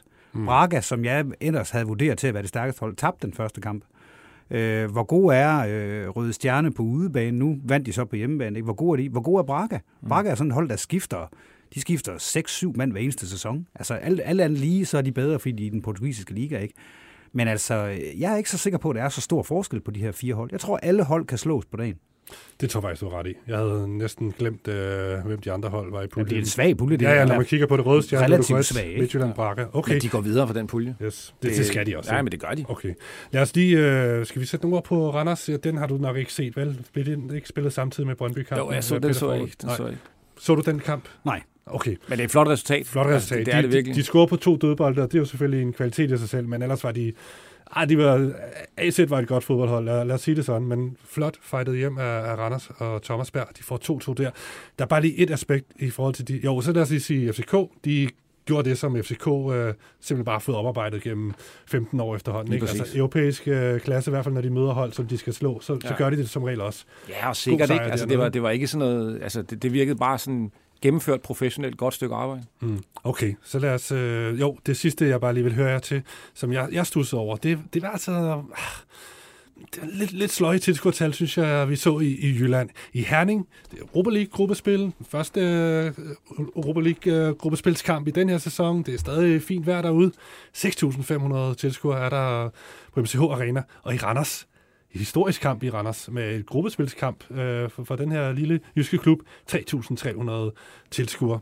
Det kunne være, det kunne være en takling. Hvad tænker du om det, Forlund? Jamen, det er, det, det er faktisk, når tackling. vi når, ja, det er min takling. Ja, Så jeg, jeg synes, det er, det er rigtig, rigtig, rigtig ærgerligt, og, og, og specielt, øh, altså selvfølgelig er det dårligt, øh, dårligt tal i, i Midtjylland, men, men altså Randers 3.300, altså de, det, er jo, det er jo en historisk aften. Øh, øh, jeg kan ikke lige på stående fod huske, om Randers har spillet øh, europæisk øh, i nyere tid. De har måske været med i Toto-koppen en gang øh, i, i 80'erne eller sådan noget, men altså, det, det, er, det, det er virkelig, virkelig, virkelig sløjt. Jeg kender ikke prisniveauet, om de har sådan priset fansene væk, men det er, det, det er, det er super ærgerligt, øh, og, og meget, meget langt fra det, øh, vi gerne vil. Mm.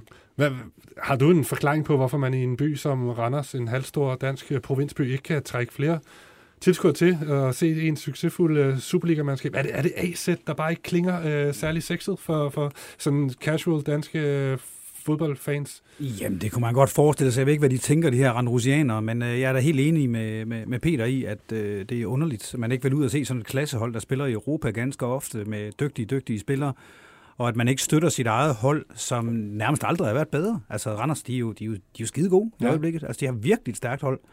Så det synes jeg er mærkeligt, og, hvis, og dit næste spørgsmål, det bliver Midtjylland, så det kan lige så godt tage med det samme, og det er simpelthen så ringe, at der ikke er mere Skal FC Midtjylland ikke have fuldt hus? det, er jo, Jo, det er jo kun jo, 10.000 det uh, de i til, til samtlige gruppespilskampe, det, de det spiller. skal de da. Det skal de da. Helt sikkert. Altså, det er Hva- så hvorfor, ringe. hvorfor formår de og det synes de også selv derude, vil jeg lige Ja, ja. sige. Altså, hvorfor du formår hører, de det ikke? Hvad, hvad er det, der sker? Jamen, det, det, det ved jeg jo ikke, altså, men det er, jeg, jeg ved ikke, hvad de her folk de tænker derude. Det er umuligt at svare på, men, men det, er, det er simpelthen så dårligt. Måske er man efterhånden lidt bedre vant, fordi man har, været, man har spillet mod bedre modstandere, men der må der, der, var, der, må der jo ikke komme tilskuer på stadion, så det er også en elendig undskyldning fra mig. Jeg, jeg kan ikke svare på det, Steffen. Det er, okay. det er så, som de, som de vil sige derude, det er ringe. Du har, de løber rundt med AL, Arbejdernes Landsbank, på ærmet over i, i Midtjylland. Så du, Det gør de faktisk ikke. Det er AL Finans, de har på ærmet, og Arbejdernes Landsbank på maven. Ja. Oven i købet, så endnu mere. Så- så de er jo plastret hele. til med- plastrer til. med Du skal lave, du skal lave din research ordentligt, Steffen. Ja. Og det, det, det, det er jo ikke jeres skyld, kan man sige, Tak. der hvor du kommer fra. Men hvad, hvad tænker du som sponsor, at øh, den store danske klub der efterhånden, at de ikke kan trække flere til, når det er en stor Europa-aften? Som sponsor, så tænker jeg, at det der, det skal de nok få styr på til næste gang. Jeg, jeg tror, uden at jeg ved det, jeg har ikke snakket med dem om det, men jeg, jeg er sikker på, at, øh, at øh, det er de fokus på, og, og har måske også selv været skuffet over at få det, få, få det løst. Det er, altså jeg ved, der, der er flotte tv-tal, og vi, vi arbejder fint sammen med dem i andre sammenhænge, så som sponsor betyder det der isoleret set ikke så meget. øh, Det er mere ud fra sådan en dansk fodboldbetragtning, jeg synes, det er, det er, det, det er ærgerligt, øh, og, og faktisk også overraskende. Jeg kan huske øh, for nogle år tilbage, hvor, hvor Nordsjælland var med. Jeg var oppe og se dem, de spillede mod øh, Sporting, som jo også er et godt hold. Der sad 2700. Der sad man også og tænker, det er alligevel utroligt. Men, men der er åbenbart et eller andet ved, ved, ved Europacup-fodbold, som vi ikke øh, sådan helt omfavner altid. Lidt ligesom, øh, det er en anden snak, med landspokalturneringen selv, når vi kommer op i kvart semifinal, så ser vi et lavere tilskuertal end øh, en almindelig random øh, Superliga-kamp. Ikke? Men okay, ja, men lad os lige håbe på, at vi ser lidt bedre tilskuertal resten af efteråret, øh, alle de steder, hvor der skal spilles øh, Europabold i, i Danmark. Ikke? Det, det er lidt sjovere sådan. Ja. Og så lad os lade det være sidste ord i første halvleg af fodbold F5. Vi øh, har, holder 5 minutters pause, og så skal vi en tur ud i Champions League-land og snakke de helt store stjerner i anden halvleg af fodbold F5, blandt meget andet.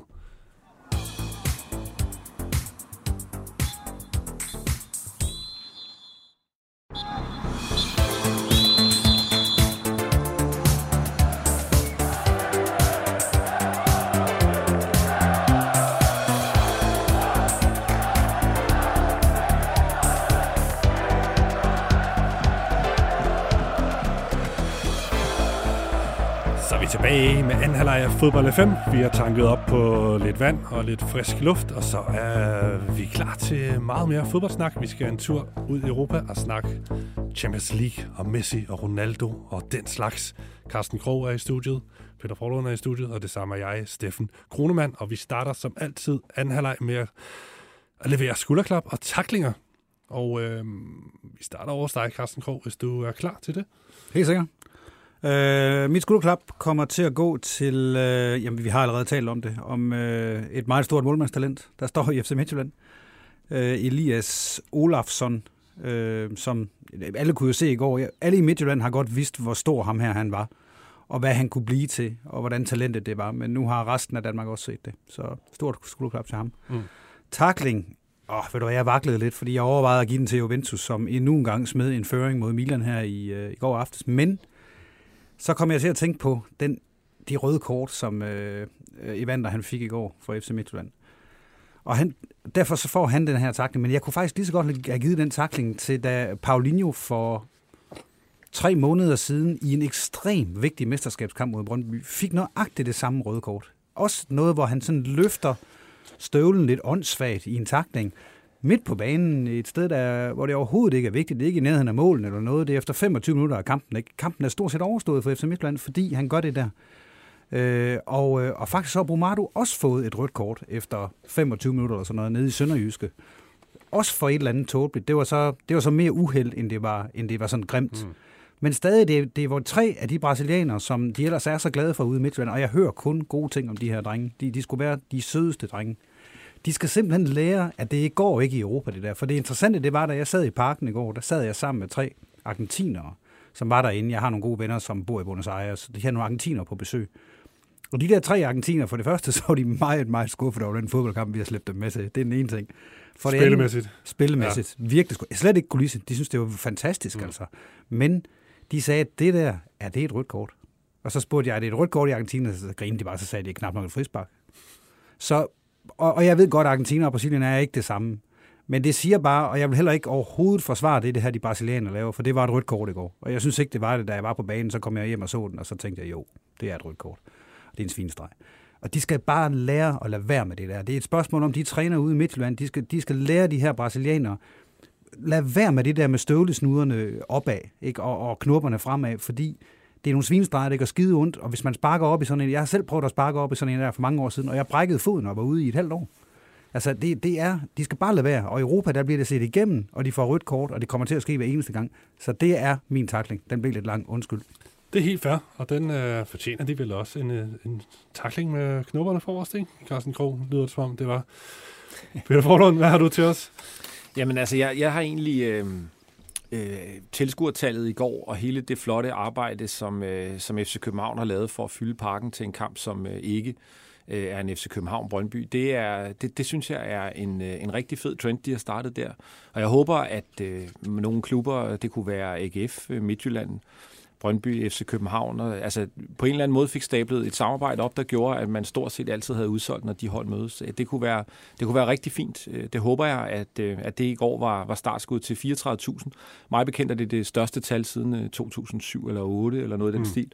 Øh, gør det tal, der slet ikke kan lade sig gøre, når de møder Brøndby på grund af sikkerhedszoner og sådan noget. Men, men altså, det korte og lange er, at øh, jo flere af de her øh, giga-events, vi kan få, jo bedre. Og, og vi har jo efterhånden nogle store klubber, hvor der er noget tradition, når de mødes. Øh, og som nu nævnte AGF også, det kunne også være Danmarks to største byer og sådan noget. Altså, jeg synes, øh, kan vi få... Øh, nogle flere kampe med på det her. Det kunne være, det kunne være voldsomt fantastisk. Og de er ikke, øh, som du siger, altså, de har arbejdet for det her. Ikke? Ja, de, de er ikke kommet sovende til det. I hvert fald det har, det har man fornemmet, det er blevet kommunikeret ud. Man har skabt noget hype omkring, at nu skal vi prøve at slå den her rekord, eller nu skal vi have folk øh, på tribunen. Så, så der er måske noget, at de andre klubber kan lære af. Det, ja, det, det, det synes jeg. Altså, jeg ved selvfølgelig ikke, hvordan alle klubber arbejder, men, men altså, ved, at også øh, FCK prøver at tage fat i dem, der har sæsonkort og sikre sig, at de kommer op, øh, eller dukker op, og altså prøver sådan, at, at der ikke er no-shows og alt sådan noget. Altså, jeg, jeg synes, altså hvis man tror, at sådan noget som det i går, det kommer af, at folk vågner en, en, en søndag morgen og tænker, at jeg skal til fodbold i dag. Det gør det altså ikke. Det er, mm. det er en, en, en lang, hård øh, arbejdsindsats, og, øh, og den bare frugt, det var, det var flot derinde i går, det var det virkelig. Så,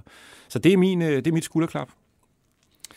Taklingen, den er så faktisk lidt i samme boldgade. Det, vi har jo været øh, inde på det. Det er det her med, øh, med tilskuertallene til Europacup-kampene i Jylland. Det, øh, det, virker, det virker for mig helt uforståeligt, at man ikke kan have flere fans på lægterne. Jeg forstår ikke, at man som fan af, af, af et fodboldhold ikke har lyst til dels at bakke dem op, men også se dem møde andre hold end, end dem, man plejer, og, og, og på europæisk niveau. Og øh, i hvert fald for så vidt angår Randers, er det jo ikke så tit, man spiller europæisk, så det, det, det, det, det var forbavsende. Det synes jeg virkelig, det var. Øh, og, og ærgerligt. Det håber, jeg, det håber jeg, der bliver arbejdet lidt på at få lavet om på. Alright, jamen tak for det, og øh, så hopper vi over til lytternes skulderklap og taklinger. De, de er inde på mange af de samme ting, som I også er. Så på prøv at lytte med her. Mark Lyster Hartvig Hansen, han skriver inde på Fodbold FM's Facebook-side, stort skulderklap til sektion 12 og alle andre dedikerede og syngende fans til de danske klubber, der gør det så meget federe for os i godsøjne deltidsfans at tage på stadion. I er halvdelen af oplevelsen. Takling til jeres Torp, der virkede fuldstændig idéforladt og nærmest lidt resinerende. Det lignede FCK fra foråret. Jesper Agerbo, han giver også skulderklap til sektion 12. Jeg behøver vel ikke uddybe. Og så giver han takling til, på en eller anden måde, FCK. Men præcis hvem og hvordan er lidt svært at præcisere, men der var et eller andet, der overhovedet ikke spillede i parken i går. Peter Fogt Jørgensen, han giver skulderklap til den fantastiske stemning i et udsolgt parken. Takling til FCK Jes Torp for at ødelægge den. Steffen Rode Robert, han giver skulderklap til det danske Europafeltog. Det er en fornøjelse at se ud over klublogo og bare følge de danske hold i Europa. Takling til Evander for den hovedkulte stempling af Jonas Vind. Og Rasmus Frank, han har et skulderklap til de danske hold i Europa. Også en god start og point til den danske koefficient. Og takling til de hav af trøjer, som klubberne er ved at have hver sæson. En til ligaen, på hjemmebane, en til udebane, og en til Europa, og en til udebane i Europa, og så videre, og så videre. Jeg skal lige høre jer her. Det her med trøjer, det er også noget, der ligger mig meget på sind. Meget på sind en øh, hvid Europatrøje til FC Midtjylland. Når de skal ud i Europa, så er de ikke i deres øh, flotte sorte dragter, så spiller de i hvide trøjer. Hvad foregår der, Carsten Krog? Kan du lide det? Nej. Ved du, hvorfor de gør det? Nej, jo, det gør de vel for at tjene flere penge, for at have flere trøjer, de kan, de kan sælge. Men jeg tror også, det er noget, der er i kontrakterne, simpelthen, at øh, sponsorerne, det, det ved Peter langt, langt mere om mig. Men jeg tænker, at det er noget med, at så er der flere muligheder for at, for, for at få flere, flere sponsorer på på de forskellige trøjer. Men jeg synes, det er en uskik. Brøndby har også en Europatrøje, men det er jo bare en variant af deres gule trøje i et lidt andet design. Peter Forlund, er det, er det en, en mere spiselig måde at lave en Europatrøje på for dig, eller gør det noget for dig, at man skifter farve, når man spiller Europa? Nej, men altså man kan selvfølgelig sige, at øh, altså, et, eller andet er det jo også, et eller andet sted er det jo også sjovt at have to gule øh, hjemmetrøjer. Altså den ene i Europa og den anden i ligaen. Og sådan, så, altså jeg, jeg, jeg tror, altså det er en kommersiel beslutning, og man skal se den sådan. Øh, hvad der er rigtigt og forkert, det må klubberne vurdere. Men, men, men altså jeg kan selvfølgelig bedst lide at se mit hold spille i mit holds farver, om jeg så må sige. Det tror jeg gælder, gælder alle fans. Øh, og så har jeg heldigvis, øh, at min dreng blevet så gammel, så han ikke øh, går i fodboldtrøjer mere, for det var dyrt førhen, det der med, med alle de, de mange mm. trøjer. Så, så nu er jeg også ligeglad på den front, så det går nok. Men altså, nej, sådan alvorligt, det er en kommersiel beslutning, øhm, og længere tror jeg egentlig ikke, den er. Øh, jeg vil helst se Brøndby spille i gul, sådan er det. Mm. Og det, vi skulle også lige at sige, at Randers stillet op på hjemmebane i sorte dragter fra top til tå. Det er jo normalt lyseblå, de er kendt for at spille i, og det var vel også sådan, man tænker, at ude i Europa vil man gerne kende Randers som de lyseblå fra, fra, fra Danmark, men øh, sådan skal det åbenbart ikke være. De Nej. skal være sorte. Nå, udmærket. Lad os øh, hoppe videre.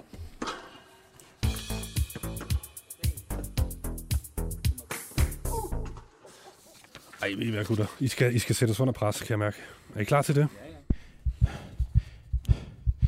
Der får vi øh, lyden af en mand, der er i problemer, er i vanskeligheder. En mand, der er sat under pres, fordi han har fået syv skarpe fodboldspørgsmål fra mig i Fodbold FM-stolen. I må kun svare ja eller nej på de påstande, jeg kommer med. Og vi starter med Carsten Krog, og så skal Forlund svare lige bagefter. Prøv at høre her. Den første lyder sådan her. Danmark bør have et nationalstadion med en kapacitet på 50.000 tilskuere mindst. Nej. Jo. Peter Smeichel, han afviser, at han har fået en risse i lakken, efter at han offentligt har støttet FIFA-forslaget om VM hvert andet år. Det er du enig i? Hvad er jeg enig i? I at han ikke bør få en risse i lakken, bare fordi han støtter det forslag. Nej, det synes jeg, man får en risse i lakken for. Samme svar. Du er overrasket og en smule skuffet over, hvor middelmådigt Mæle, Damsgaard og Skov Olsen er kommet i gang med den nye serie-sæson. Ja. Ja. FC Midtjylland kommer ikke i top 50 i Europa inden 2025, hvilket ellers er klubbens ambition. Hvad er det nu? 113 eller noget i den dur. Jo. Jo. Juventus har efter to point i fire kampe fået en historisk dårlig start. Klubben bør tage konsekvensen og fyre Max Allegri som træner. Nej. Nej.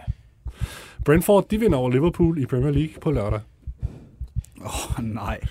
Nej. Du synes, det er en god idé at skifte en straffesparksekspert ind for at sparke et straffespark, hvis man har mulighed for det. Ligesom det var tilfældet med West Ham's Mark Noble mod Man United i weekenden. Ja. Yeah. Nej. Du svarer ja, selvom Mark Noble han brændt, og ja, det gjorde han jo. England dummede sig også i ja, EM-finalen, ikke? Ja, det var en fed historie, og det, synes, og det, det er rent nok de der eksempler viser, at jeg tager helt fejl her. det er okay. Lad os lige høre, jeg vil gerne lige høre det her med, jo, det her med nationalstadion, det synes jeg er lidt sjovt. Der er jo et, øh, et forslag fremme fra DBU og FCK om, at de skal ja, nedsætte en eller anden arbejdsgruppe, tror jeg det er, for at kigge på, hvordan man måske kan udvide og lave om på området omkring parken og gøre, gøre parken til et større stadion til for eksempel 50.000 tilskuere. Du mener, at det er en nødvendighed, ja, at uh, parken det, det gør, udvides? det gør jeg. Parken er, parken er en træt gammel dame, sådan er det. Og øh, hvad hedder det? Altså, som jeg også har forstået det, så er der jo en masse krav og øh, UEFA-krav og andet, som vi har svært ved at leve op til derinde. Så, så, så altså det, det, jeg, jeg, jeg, jeg er nok tilhænger af, at man bygger et helt nyt ude i Ørestaden eller et eller andet. Altså, ja, for det er også det, jeg ville høre, ja, ja, om det ja, partout skal være parken, eller skal man, ja, altså, skal man bygge jeg, nyt? Det kommer ind på. Altså, jeg, jeg, tror, jeg, jeg tror ikke på, at man kan blive ved med at lappe på parken meningsfyldt. Altså, jeg, det har jeg ikke forstand på, så det er jo bare et gæt. Men, mm. men, øh, men jeg, jeg, jeg tænker, et, øh, et, et, et stadion ude i Ørestaden, plads til 50.000, nemt at komme fra og til moderne faciliteter i forhold til sponsorer osv., det, det, det, det vil være vejen frem. Så skal der selvfølgelig være noget anvendelse af stadion, der er noget økonomi i det og sådan noget, der skal, der skal kunne øh, også driftmæssigt efterfølgende hænge sammen, men, men det tror jeg vil være det bedste for, for alle parter. Okay, jeg er sikker på, at der er nogen, der har nogle gode indspark der. Jeg ved ikke, om det er, men sådan en som Dan Hammer, han vil nok sige, det har jeg hørt om sige før, det er svært at drive sådan en stadion ja, og få det til at løbe rundt med... Det er det jo helt sikkert også, øh, det er det jo helt sikkert også, men, men altså, hvem siger ikke, at uh, øh, FC København kunne spille der? Uh, hvad ved jeg? Altså, det, ja, det ved jeg ikke. Det, det, det, det, skal man, det skal man selvfølgelig finde ud af og lægge en plan for, men sådan helt grundlæggende, så, så er parken slidt og gammel, og jeg tror, den bliver både dyr og besværlig at bygge uh, markant om. Arbejdslandsbank er også sponsor for, for landsholdet, skal, skal jeg lige sige. Så, så jeg det ved ikke, om det... Har det nogen betydning for... Nej, ikke, ikke her. Altså, det, det er det ikke. Altså, det er jo nogle, øh, når vi har landskampe, det er, det er jo nogle fine events, og, og tingene fungerer jo så nogenlunde, som de skal. Så det er ikke, det er ikke sådan med, med, med, med skal man sige, kommersielle øh, briller på øh, for Arbejdernes Landsbank. Det er mere sådan en generel betragtning om, at øh, vores stadion er for lille. Øh. Synes du også, det er for lille? Øh, det er ikke så tit, jeg synes, det er udsolgt, det, det stadion. I hvert fald ikke, når FCK spiller. Nu så vi så noget andet her i, i weekenden, og så er der selvfølgelig nogle Europakamp i ny og hvor det er udsolgt, og så er der ja, de her landskampe, de er begyndt at blive udsolgt, så lige pludselig, så er det selvfølgelig hot, at øh, vi skal have et større nationalstadion. Men du sagde, du mener ikke, at vi behøver at have et, øh, et nationalstadion til omkring 50.000 tilskuere, Carsten Groh. Hvorfor ikke? Jamen, jeg synes, det er glimrende, at der er en gang imellem er røde lygter. Øh, det sender et rigtig fedt signal, at man kan sige, at der er udsolgt, og det er svært at komme ind til en landskamp igen. Den anden dag var der en af mine kammerater, der sagde, at han kunne ikke købe en, øh, en landskamp til landskampsbillet til Danmark Færøerne, fordi der er udsolgt. Det er jo fantastisk. Og øh, det er jo bare fedt. Det er jo en helt anden historie, det er den her med dansk landshold og sådan noget, men det er jo ikke mere end fire år siden, der kom der, det ved jeg ikke, 15.000 mennesker til de kampe der, ikke? Så jeg synes, det er fint, det er, som det er. Jeg kan ikke se, at det skal være større. Vi er også et relativt lille land, så 35.000 er ikke cirka det, der kan være i parken. That's fine. Mm. Men det er også lidt faciliteterne. Altså, hvis man har prøvet at være på Friends Arena, for eksempel, øh, det, det er et lækkert stadion. Det er en ah, god det er oplevelse. Det er nemt lækkert. at komme til og fra. Og sådan. Altså, parken er, øh, det, nu bruger jeg nok et øh, ord, du vil bruge oftere end mig, bøvlet. Er det ikke sådan, man siger i Jylland? Parken er bøvlet, ikke? Altså, der, det er svært at komme til. Øh, Øh, Øh, der er sådan noget med, at, øh, at det der lounge-faciliteter, som jo er en væsentlig del i dag, at der skal man uh, trampe rundt og ud og ind, så man bruger det meste af pausen på det. Og sådan. Altså der, der, det, det er et gammelt stadion på mange måder, så det er ikke alene et kapacitetsspørgsmål, det er også sådan et, et, et facilitetsspørgsmål. Og der, der, der, der synes jeg, når man ser nogle af, af de mere moderne stadions, der kan man godt se, at, at, at tiden er gået. Og der tænker jeg nemlig, at en ombygning bliver relativt vanskelig at få det, øh, hvad hedder det med også, fordi det, altså, det, det er jo det, det er, stadion. Så kan man måske fjerne hjørnerne og lave øh, nogle, nogle øh, altså kontorbygningerne og lave nogle hjørner og et eller andet. Det kan give nogle tilskuere. Men grundlæggende, så ændrer det jo ikke ved, at det er, det er et gammelt, slag, mm. gammelt stadion. Men det er vel det med driften, der er nøgle ja, det er det. punktet her, ikke? Altså, jo, jo. fordi hvis det er FCK, der, der har det, så, så, er der jo, så er der jo nok omsætning til, til at kunne drive så stort et stadion. Ja, det er vel derfor, man arbejder ud fra den model, ikke? Jo, jo, det er jeg sikker på, det er. Og, og det er jo også, altså det er jo nødt til at sige, der er ikke noget, der fungerer uden økonomien i det, øh, hænger sammen. Så selvfølgelig er det jo deciding factor. Men øh, man kan godt bruge et, øh, et moderne stadion. Øh. Og det skal ikke ligge i Fyn, Carsten, øh, på Fyn, øh, Carsten Krog, sådan midt i Danmark. Sådan, det, er jo, det er jo sådan vindende blæser nu om dagen, ikke? at øh, det, ting skal fordeles ligeligt. Eller øh, hvor, hvor, hvor er du som, som jøde? Er, er du fin med, at uh, Nationalstadion det ligger i, i København? Ja, nu har jeg boet i København i over 20 år, så jeg er nok mere København, end jeg er sådan, altså, jeg er sådan født jøde, men lige så meget københavner i dag. Ja, jeg synes, det er fint. Der bor hvad er det, altså to. En tredjedel af Danmarks befolkning bor herovre, så det, det synes jeg er fint. Nationalstadion i Aarhus, kunne det være noget, man kunne arbejde på? Det er urealistisk nok, men hvad bare sådan... Ja, altså, igen, altså, kunne man få øh, økonomien op at køre, så, så fint med mig. Øh, det, det, det kunne også være et udflytningsprojekt, ligesom så meget andet.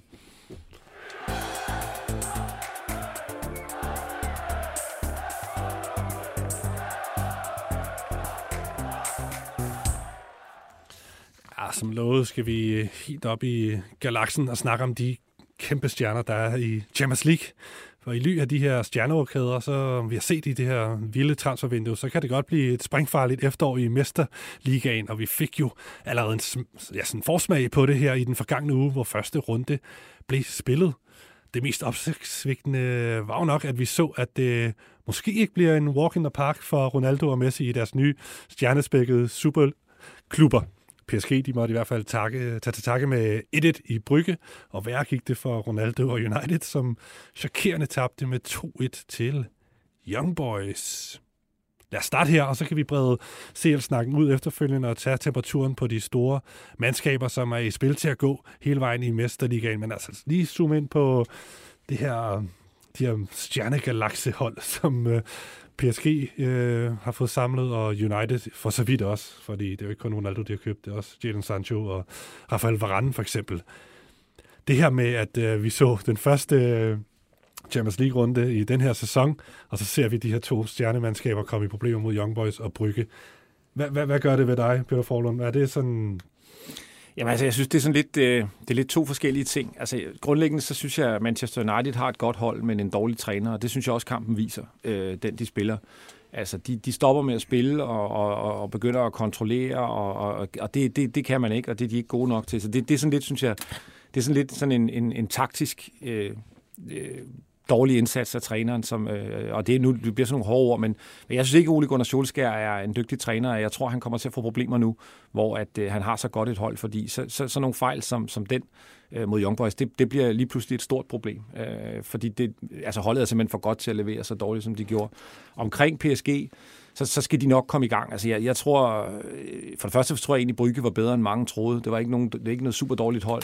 Øh, det næste er, at øh, altså, Pochettino skal vel lige have et par kampe med de her, det er jo første kamp, Messi startede, før, før det rigtig fungerer, men de skal nok komme i gang og få, øh, øh, hvad hedder det, få styr på det. Men det viser jo bare, at øh, fordi man køber nogle spillere og, og sætter dem ind på banen, øh, så, så, øh, så vinder kampen ikke sig selv. Der skal lidt mere til, og, og i Champions League møder man, nu nævnte lige, Brygge var bedre end forventet. Altså det, det er jo ikke sådan, at, at de lægger sig ned, fordi at, at Messi træder ind på banen. Øh, hvad hedder det? Øhm, og, og, og så fremdeles med United. Altså, de, de, de fik der kamp til stregen, og da de gav plads, så, så, så blev den plads taget. Så, så det viser jo også lidt om, at det, altså, niveauet er højt i Champions League. Det synes jeg, det er. Mm. Gør det noget, altså hvad, hvad for nogle følelser får du i kroppen, når du tuner ind på Champions League, og så ser du sådan en overraskelse her, hvor Brygge virkelig kan bide skære med PSG. Young Boys, de vinder over United. Ja, nu er du Liverpool-mand, så selvfølgelig har du været glad for det, men selv Liverpool kunne være kommet i problemer mod et mindre hold. Er det, er det noget, du sådan sidder og glæder dig over, når de her ting sker? Eller vil du egentlig bare hellere se de Real øh, møde PSG, og så kan de udkæmpe en eller anden øh, stjernekamp? Jeg synes, det her med Champions League i efteråret er altid lidt tricky, fordi øh, det er sådan lidt rimelig givet, hvem det er, der går videre fra stort set alle grupperne. Jeg vil sige, Uniteds pulje er tricky. Øh, den, er, den er svær, den pulje der, og de tabte fortjent. Øh, deres XG, der taber de sådan set også den kamp der. Så øh, jeg vil sige, deres, deres pulje med Villarreal, Atalanta, to stærke hold i United. Engelske hold har det generelt svært med, med spanske hold. Øh, Atalanta kan slå alle hold på dagen, og nu har de så tabt til Young Boys, Man United, så jeg ved det ikke. Det kan måske blive en lille smule tricky i PSG. Jeg tror altså ikke, den der pulje bliver noget problem. Nu ved jeg godt, de, de, de, nej, det gør den nemlig ikke. Øh, så jeg har svært ved at... Jeg tror egentlig også, PSG de tænker, pff, altså, de går videre alligevel. Okay. Så... Men jeg er enig i det der, altså Uniteds pulje, den er, den er ret spændende nu. det var den jo egentlig allerede inden, men der ville man jo nok sige, at uh, Young Boys ville være en, uh, altså sådan, uh, skal vi sige, uh, prygelknappe mere eller mindre. Ikke? Men nu står de altså med tre point, uh, så så er de pludselig ikke alligevel. Så det, det kan faktisk, uh, altså United er ikke sikker på at gå videre for den pulje, som jeg ser det. Hvad med fodboldromantikeren i dig? Det er det, jeg tror faktisk, det er det, jeg prøver at komme ind med. Altså, hvad tænker I, når vi får de her overraskelser i Champions League? Jamen, det er da fantastisk. Altså, det, det synes jeg da. Altså, hvis, hvis det var sådan, at, øh, at dem med det største budget vandt hver gang, så behøvede vi ikke se kampene. Så det, det er super fint, når nogle af de mindre klubber, og, og synes jeg faktisk, altså Young Boys, den måde, de, øh, de gik til United på, altså det, det var da utroligt forfriskende, apropos det, vi snakkede før om, at øh, Brøndby kunne øh, slås øh, sig hjem ved at stå øh, nede bag i og passe på. Altså her, øh, det, det var virkelig et hold, der greb chancen, da de fik den, og, og spiller ud over stepperne, og og havde de været lidt bedre til at afslutte, jeg, ved ikke, jeg kan ikke huske, hvor mange afslutninger de havde, men det var virkelig, virkelig, virkelig mange. Havde de været lidt bedre til at afslutte, så havde de slået dem klart. Altså, så, så, så jeg synes, altså det, det er som, som for at bruge dit udtryk, fodboldromantiker, så er det jo fedt at se, at, øh, at, at øh, det dyreste hold ikke vinder hver gang. Mm. Det er ikke mange måneder siden, hvor vi havde det her Super League-snak var op og vende. Ikke bare op og vende, det er to fuldstændig dagsorden i fodboldverdenen, og det var jo... Ja, de, de største klubber samlede sig i, i den her gruppe af Super League og ville, ville bryde ud af Champions League og europæisk fodbold, som vi kender det, og danne deres egen øh, lukket stjerneliga. Det var jo en kæmpe ting. Vi så protester, vi så øh, ja, vrede fans, vrede kritikere, vrede eksperter, og det endte så også med ikke at blive til noget, fordi der selvfølgelig var modstand også øh, fra, fra andre af de store klubber, som ikke var med i den her Super League-klub. Og så her, bare 3-4 måneder efter, der ser vi så selv de allerstørste klubber øh, komme i problemer med mod de mindre hold. Gjorde det noget ved dig, øh, at man sådan i ly af det her, der, der, der så vi lige pludselig, at fodbolden den lever jo fint, som, som det er nu, og de her små hold, det er jo en del af charmen for, i fodbold.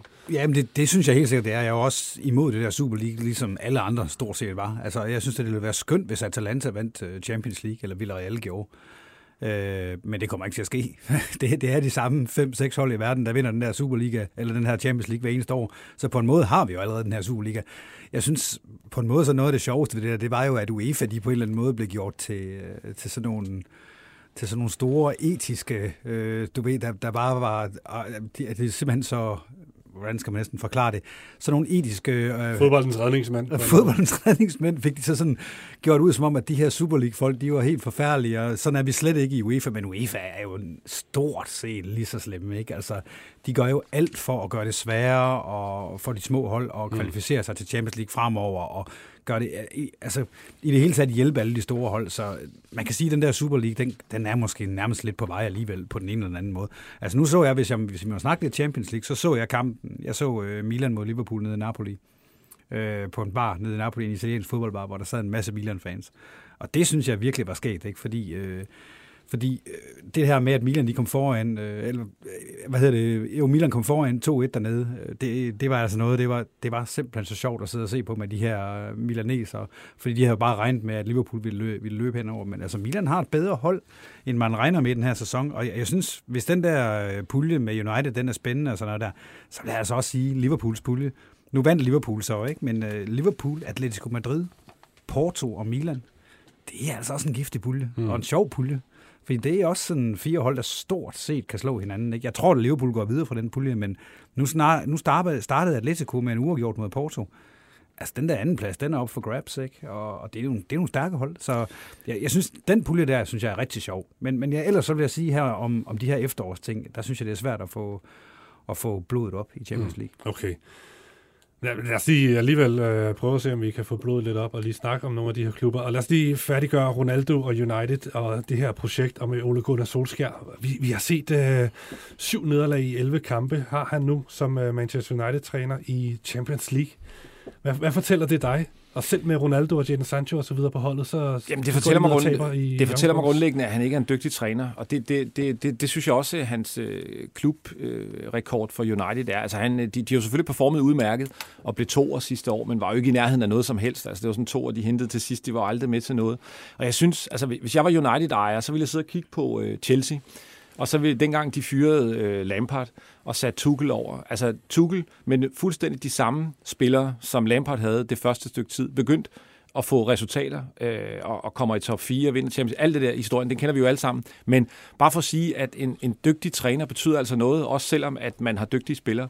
Så jeg, altså, jeg, jeg kan ikke se, at sædet har brændt mere under øh, Solskær, end det gør nu. Både fordi han leverede den elendige øh, øh, præstation øh, mod Young Boys, men også fordi, altså, de må også sidde og kigge og tænke, men kan vi få et, et, et, et større navn, en dygtigere taktiker, så har vi nu så mange spillere, så, så vi rent faktisk kan spille med om at vinde øh, både øh, Champions League og, og mesterskabet i, i England.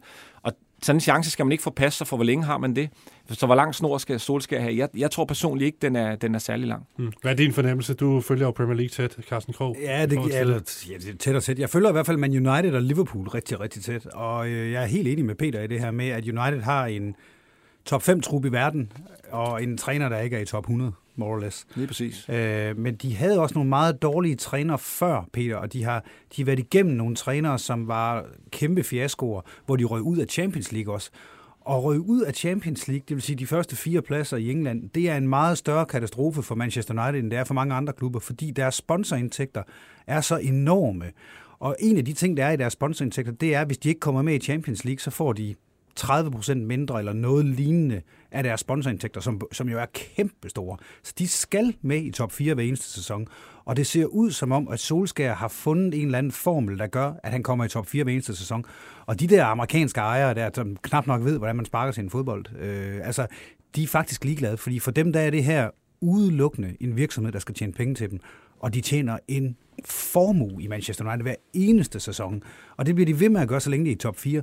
Så, så kan det godt være, at der sidder nogle fans, der siger, at jeg vil også gerne vinde mesterskab, men det er de faktisk, jeg, jeg lige ved at sige, de er ravne ligeglade, de ejer der. Bare de kommer i top 4 hver eneste sæson. Men i øvrigt, så vil jeg sige til den aller sidste bemærkning, hvornår kommer chancen for at vinde mesterskabet i England? Jamen det gør den jo, når de to bedste trænere i verden, nu Tuchel måske også faktisk en af de bedste trænere, men ellers så vil jeg jo sige, at de to bedste trænere i verden, det er Jürgen Klopp i Liverpool, han stopper i 2024, og så er det selvfølgelig Pep Guardiola i Manchester City. Han stopper i 2023. Når de to trænere, de ryger væk fra Premier League, så tror jeg, vi begynder at, at kunne få en ret åben Premier League igen. Men så længe de to trænere er der, så er jeg bange for, at det bliver dem, der vinder mesterskaberne. Med mindre Chelsea gør den her sæson, for jeg giver dig ret i, Tuchel er ved at være deroppe af. Mm. Ja, det er en, og jeg, synes, jeg er jo enig i, i din United-betragtning, men, men jeg tror stadig, altså, jeg, jeg, jeg tror stadig på, altså vi, vi, som ejer, hvis du kigger på, altså der, du kan jo vinde endnu flere penge ved at vinde noget. Øh, det siger sig selv. Så hvis du kigger, altså jeg, jeg tror sådan en Chelsea-historie, det, det er sådan en, der kommer til at presse nogle af de der middelmanagers, som performer udmærket, fordi at man kan se, at uden øh, de store investeringer, de kom så bagefter, men indledningsvis uden investeringer, så betyder det faktisk ret meget, at man har en verdensklasse træner. Så er jeg så enig med dig i, at hvis vi regner Tuchel med blandt de bedste, så mange af dem er der jo heller ikke. Så, så nemt er det heller ikke at finde sådan en, og, og, og hvad hedder det, der skal jo heller ikke gå, gå Arsenal i det, hvor man uh, har en øh, 20-25 forskellige managers, øh, altså det er overdrevet, men mange efter Arsene Wenger, og bare ikke kan få det til at fungere. Det er jo endnu farligere, fordi det koster også penge. Men jeg synes United, altså hvis jeg var, hvis jeg var ejer i United, så ville jeg kigge på, om jeg tror på, at det sportslige setup, jeg har, står mål med, øh, øh, altså trænermæssigt, står mål med den kvalitet, der er i truppen. Og det, det, det, det har vi jo begge to svaret, det synes vi ikke, det gør. Mm. Jeg hører dig sige, at de skal kigge mod Danmark og Kasper Julemand, men det er en, en helt anden snak. Han må faktisk gerne komme til Nottingham Forest. Jeg har sådan siddet og tænkt lidt over i weekenden. Ja, det går ikke godt for Forest. Der skal vi ikke ned den Nej, det skal vi ikke. Det, skal vi ikke. det er så langt fra, som, fra ja. Champions League, som vi kan komme. Det må man sige. Prøv at, vi skal også lige sætte nogle ord på, på Messi og PSG. Og nu så vi ham i aktion øh, mod Brygge. Han rammer af trekantssamfundet, men øh, det svingede ikke rigtigt for, for MN, MNN whatever den hedder, den der stjernetrio, ikke? Mbappé, Messi, Neymar. Øhm, hvad tænker vi sådan på den lidt længere bane? Jeg synes, jeg har hørt jer sige sådan, at der, der skal de nok finde ind i, ind i rytmen. Hvad, på, på at sætte nogle ord på det her Pochettino-Paris stjerneprojekt med Messi i spidsen. Jeg tror, altså, jeg, jeg tror på, at øhm, noget jeg bemærkede, altså det fungerede ikke for de tre, det er jeg enig i. Men jeg synes, at altså, Messi øh, virker faktisk lidt mere som sådan en, en vinder i sine attityder, end, øh, end øh, Mbappé og, og Neymar gør. Og jeg tror og håber, at, at man kan få implementeret noget, af, noget lidt færre opgivende attityder og lidt mere vinder-attitude i PSG, for ellers så kommer de ikke til at vinde noget som helst. Og apropos managers, så er det også en af mine jeg har flere vedmål kørende om, at Pochettino aldrig kommer til at vinde noget sådan rigtigt for alvor. Øh, hvad hedder det? Han, det lykkedes ham jo, hvilket kræver, altså man være ret god manager, det lykkedes ham ikke at vinde den franske liga sidste år. Øh, det, kræver, det kræver sin mand. hvad hedder det? Og øh, jeg, jeg, jeg, jeg tænker, at øh, han, han kommer under pres også med det hold, han har nu. Han skal jo vinde den franske liga, det er jeg sikker på, at han gør i år. Men han skal også meget, meget langt i Champions League, øh, hvis ikke de skal vinde det. Så, så, så jeg håber, han får fundet noget... Øh, noget mere, noget mere, altså, jeg tror, de har det fornemt i den franske liga, PSG. Altså, det virker som om, når de er i problemer, så er, det svært, så er de svært ved at finde ud af dem. Kan du se ham øh, finde formularen til, hvordan man skal spille de tre stjerner på samme tid, og så komme langt i, i Champions League? Jamen, de kommer der helt sikkert langt. Sidste år var de i finalen, sæsonen før var de i semifinalen. Altså, de, de kommer der langt. Det er et absolut klassehold, når de kommer på højeste niveau, og det er ikke kun de tre foran. Omvendt, som, ikke? Hvad siger du? Ja, omvendt med jo, jo, finaler og semifinalen. Ja, det er men ja, ja. ja, fortsæt bare. Øhm, det er absolut klassehold, og det er ikke kun de tre angriber. Det er en kanon midtbane, og det er, de er jo to verdensklasse målmænd også. Altså, det, er, det er et hold, der vil være blandt de absolute favoritter i alle ligaer, også i Premier League. Øh, problemet det er jo bare det her med, at de spiller i en, jeg vil ikke kalde det en tegneserieliga, men en relativt svag liga til daglig. Når de så kommer ud og skal spille de absolut afgørende kampe, så har de kun de der tre-fire chancer hver eneste sæson øh, til at vinde Champions League. Altså, ja, de har jo kun én chance, men altså, de har en tre-fire øh, risikofyldte kampe, hvor de bare skal dumme sig en enkelt gang, så er der sæson stort set over. Og de skal jo altså møde hold på deres eget niveau på et eller andet tidspunkt, fordi Bayern München, Manchester City, Chelsea, Liverpool er på samme niveau, som PSG er. Og så kan PSG købe lige meget, hvem de vil, fordi når de til daglig ikke bliver mødt med ordentlig modstand, så, så bliver de bare ikke dygtigere end det, de er. Så altså, det, det, er den, det er den evige historie med PSG. Sådan var det også for tre år siden, og sådan bliver det sikkert også om fem år. De skal da nok vinde Champions League igen på et eller andet tidspunkt, hvis de bliver ved med at smide så mange penge ind i det. Nu så jeg lige, at Messi han tjener, hvad var det, 250 millioner netto om året. Han er gået ned i løn. Han er, han er gået ned i løn, ja. Altså, jamen, når man har den slags penge, øh, så vinder man på et eller andet tidspunkt nok også Champions League. Godt vil sige det vel også på et eller andet tidspunkt. Og det er jo lidt sørgeligt på en eller anden måde, ikke? fordi det har jo, ja, det, det er en helt anden diskussion. Men jo, de, de skal nok øh, komme, om det bliver den her sæson. I bliver der ingen, der ved. Mm, nej, selvfølgelig ikke. Selvfølgelig ikke. Men jeg vil da gerne lige høre, hvad, hvad I fornemmer. det er early days i sæsonen. De har, de har 20% chance cirka, ja, ikke? og det okay. er der en 4-5 andre hold, der er så. Okay, Hvem, øh, lad os bare lige runde de andre hold, som må være favoritter, øh, sammen med United et eller andet sted, og øh, PSG. Øh, vi har Chelsea, I nævner dem jo, og Manchester City, måske også Real Madrid, og så de her Bayern München, som slagtede FC Barcelona. Dem behøver vi ikke engang tale om. Vi taler så rigeligt om FC Barcelonas krise. Kan vi godt tage dem helt ud af ligningen, Forlund? Fuldstændig. Altså, jeg, det, det tror jeg ikke på, og jeg tror også, det bliver besværligt for, for Real Madrid. Altså, den, den spanske liga er er, hvis man kan bruge sådan et udtryk, historisk dårlig. Altså der, der, det, er, det er sådan en mellemår for den liga, jeg er bange for. Og, og så mm. skal man så lige huske, at de seneste år er det jo heller ikke sådan, altså hvis vi bare tager til semifinalerne, så tror jeg, de har en semifinal i de sidste to år, eller noget i den stil. Så det, det er, altså, den, den spanske liga er lidt for nedadgående, og Barcelona er, Altså, det var virkelig underligt. Altså, nu Bayern, det er jo, det er jo, det er jo Harlem Globetrotters. Altså, jeg tror, de vandt 7-0 i weekenden øh, i, i ligaen, ikke? så det, det, de er svære. Men at se øh, Barcelona stå og sparke lange bolde mod Luke de Jong, det, det, det tror jeg, de færreste havde... Det, det er sådan en historie, de færreste ville have skrevet, hvis de havde fået lov til det. Så det, det, er, det, det er nye tider i, i Spanien, så dem, dem kan vi godt afskrive. Den er jeg med på. Okay. Bayern, har du sådan en, en god fornemmelse omkring det her hold? De er jo altid med, med fremme. Ja. Ser du dem som stærkere end sidste år? Nej, jeg tænker, det er cirka samme niveau. Altså, der, der er, som jeg ser det, så er der Bayern München, Liverpool, Manchester United, Manchester City, Chelsea, PSG. De er stort set lige gode, de hold der. Og det er, det er næsten på dagen om, hvem der vinder det der. Mm. Og jeg er helt enig med Peter i, at de spanske hold, de er ikke med længere. Og hvis du ser på Real Madrid, så er de heller ingen vegne kommet de sidste to-tre sæsoner. De er Barcelona heller ikke. De, de er jo væk, når, når semifinalen de er der. Så vi afskriver de spanske storklubber. Hvad med de italienske, Carsten Krog? Den skal du lige have lov at, dem skal du have lov at redegøre for. Ikke? Vi har Inter, og vi har Juventus, og vi har Milan med i gruppespillet. Er der nogen af dem, der kan komme langt? Ah, måske Inter. Også lidt fordi Inter har en relativt nem pulje. Nu ved jeg godt, de tabte den første kamp til Real Madrid, men det var simpelthen så ufortjent. Altså, det er jo virkelig synd for dem. De spillede en fantastisk kamp og tabte alligevel. Øh, men de har en nem pulje, de skal nok komme videre. Og, og så kan de måske godt. Jeg synes, det er det bedste hold i, i Italien lige nu. Øh, Milan er også virkelig gode, og sådan et hold, der kan slå alle på dagen. Men de har en meget, meget svær pulje, og jeg er i tvivl om, de overhovedet kommer ud af den. Især fordi, den, ja, fordi de tabte den første kamp også.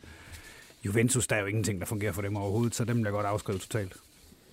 Jeg tror lidt på Juventus. Øh, de har erfaring. Jeg, jeg synes noget af det, som... Øh, øh i, i, i rækken der. Jeg, altså, Champions League. Jeg, noget af det, der forbavsede mig lidt faktisk ved, ved Milan, det var, øh, starten der på Anfield, hvor, hvor, hvor rystet de så ud til at være over tempoet. Altså sådan en, en, øh, en spiller som øh, Frank Kessie, som ellers er rigtig dygtig, synes jeg. Han lignede en, der, der, der slet ikke er vant til at spille på det niveau i starten. Og det, det, var sådan, det, det overraskede mig lidt, og der, der, der tror jeg, man skal ikke undervurdere det der, at man har mange spillere i truppen, som har været i, i Champions League før. Og det har Juventus, at lave sig også ud med at vinde. Det var så i Malmø, men altså øh, dog uden øh, overhovedet problemer.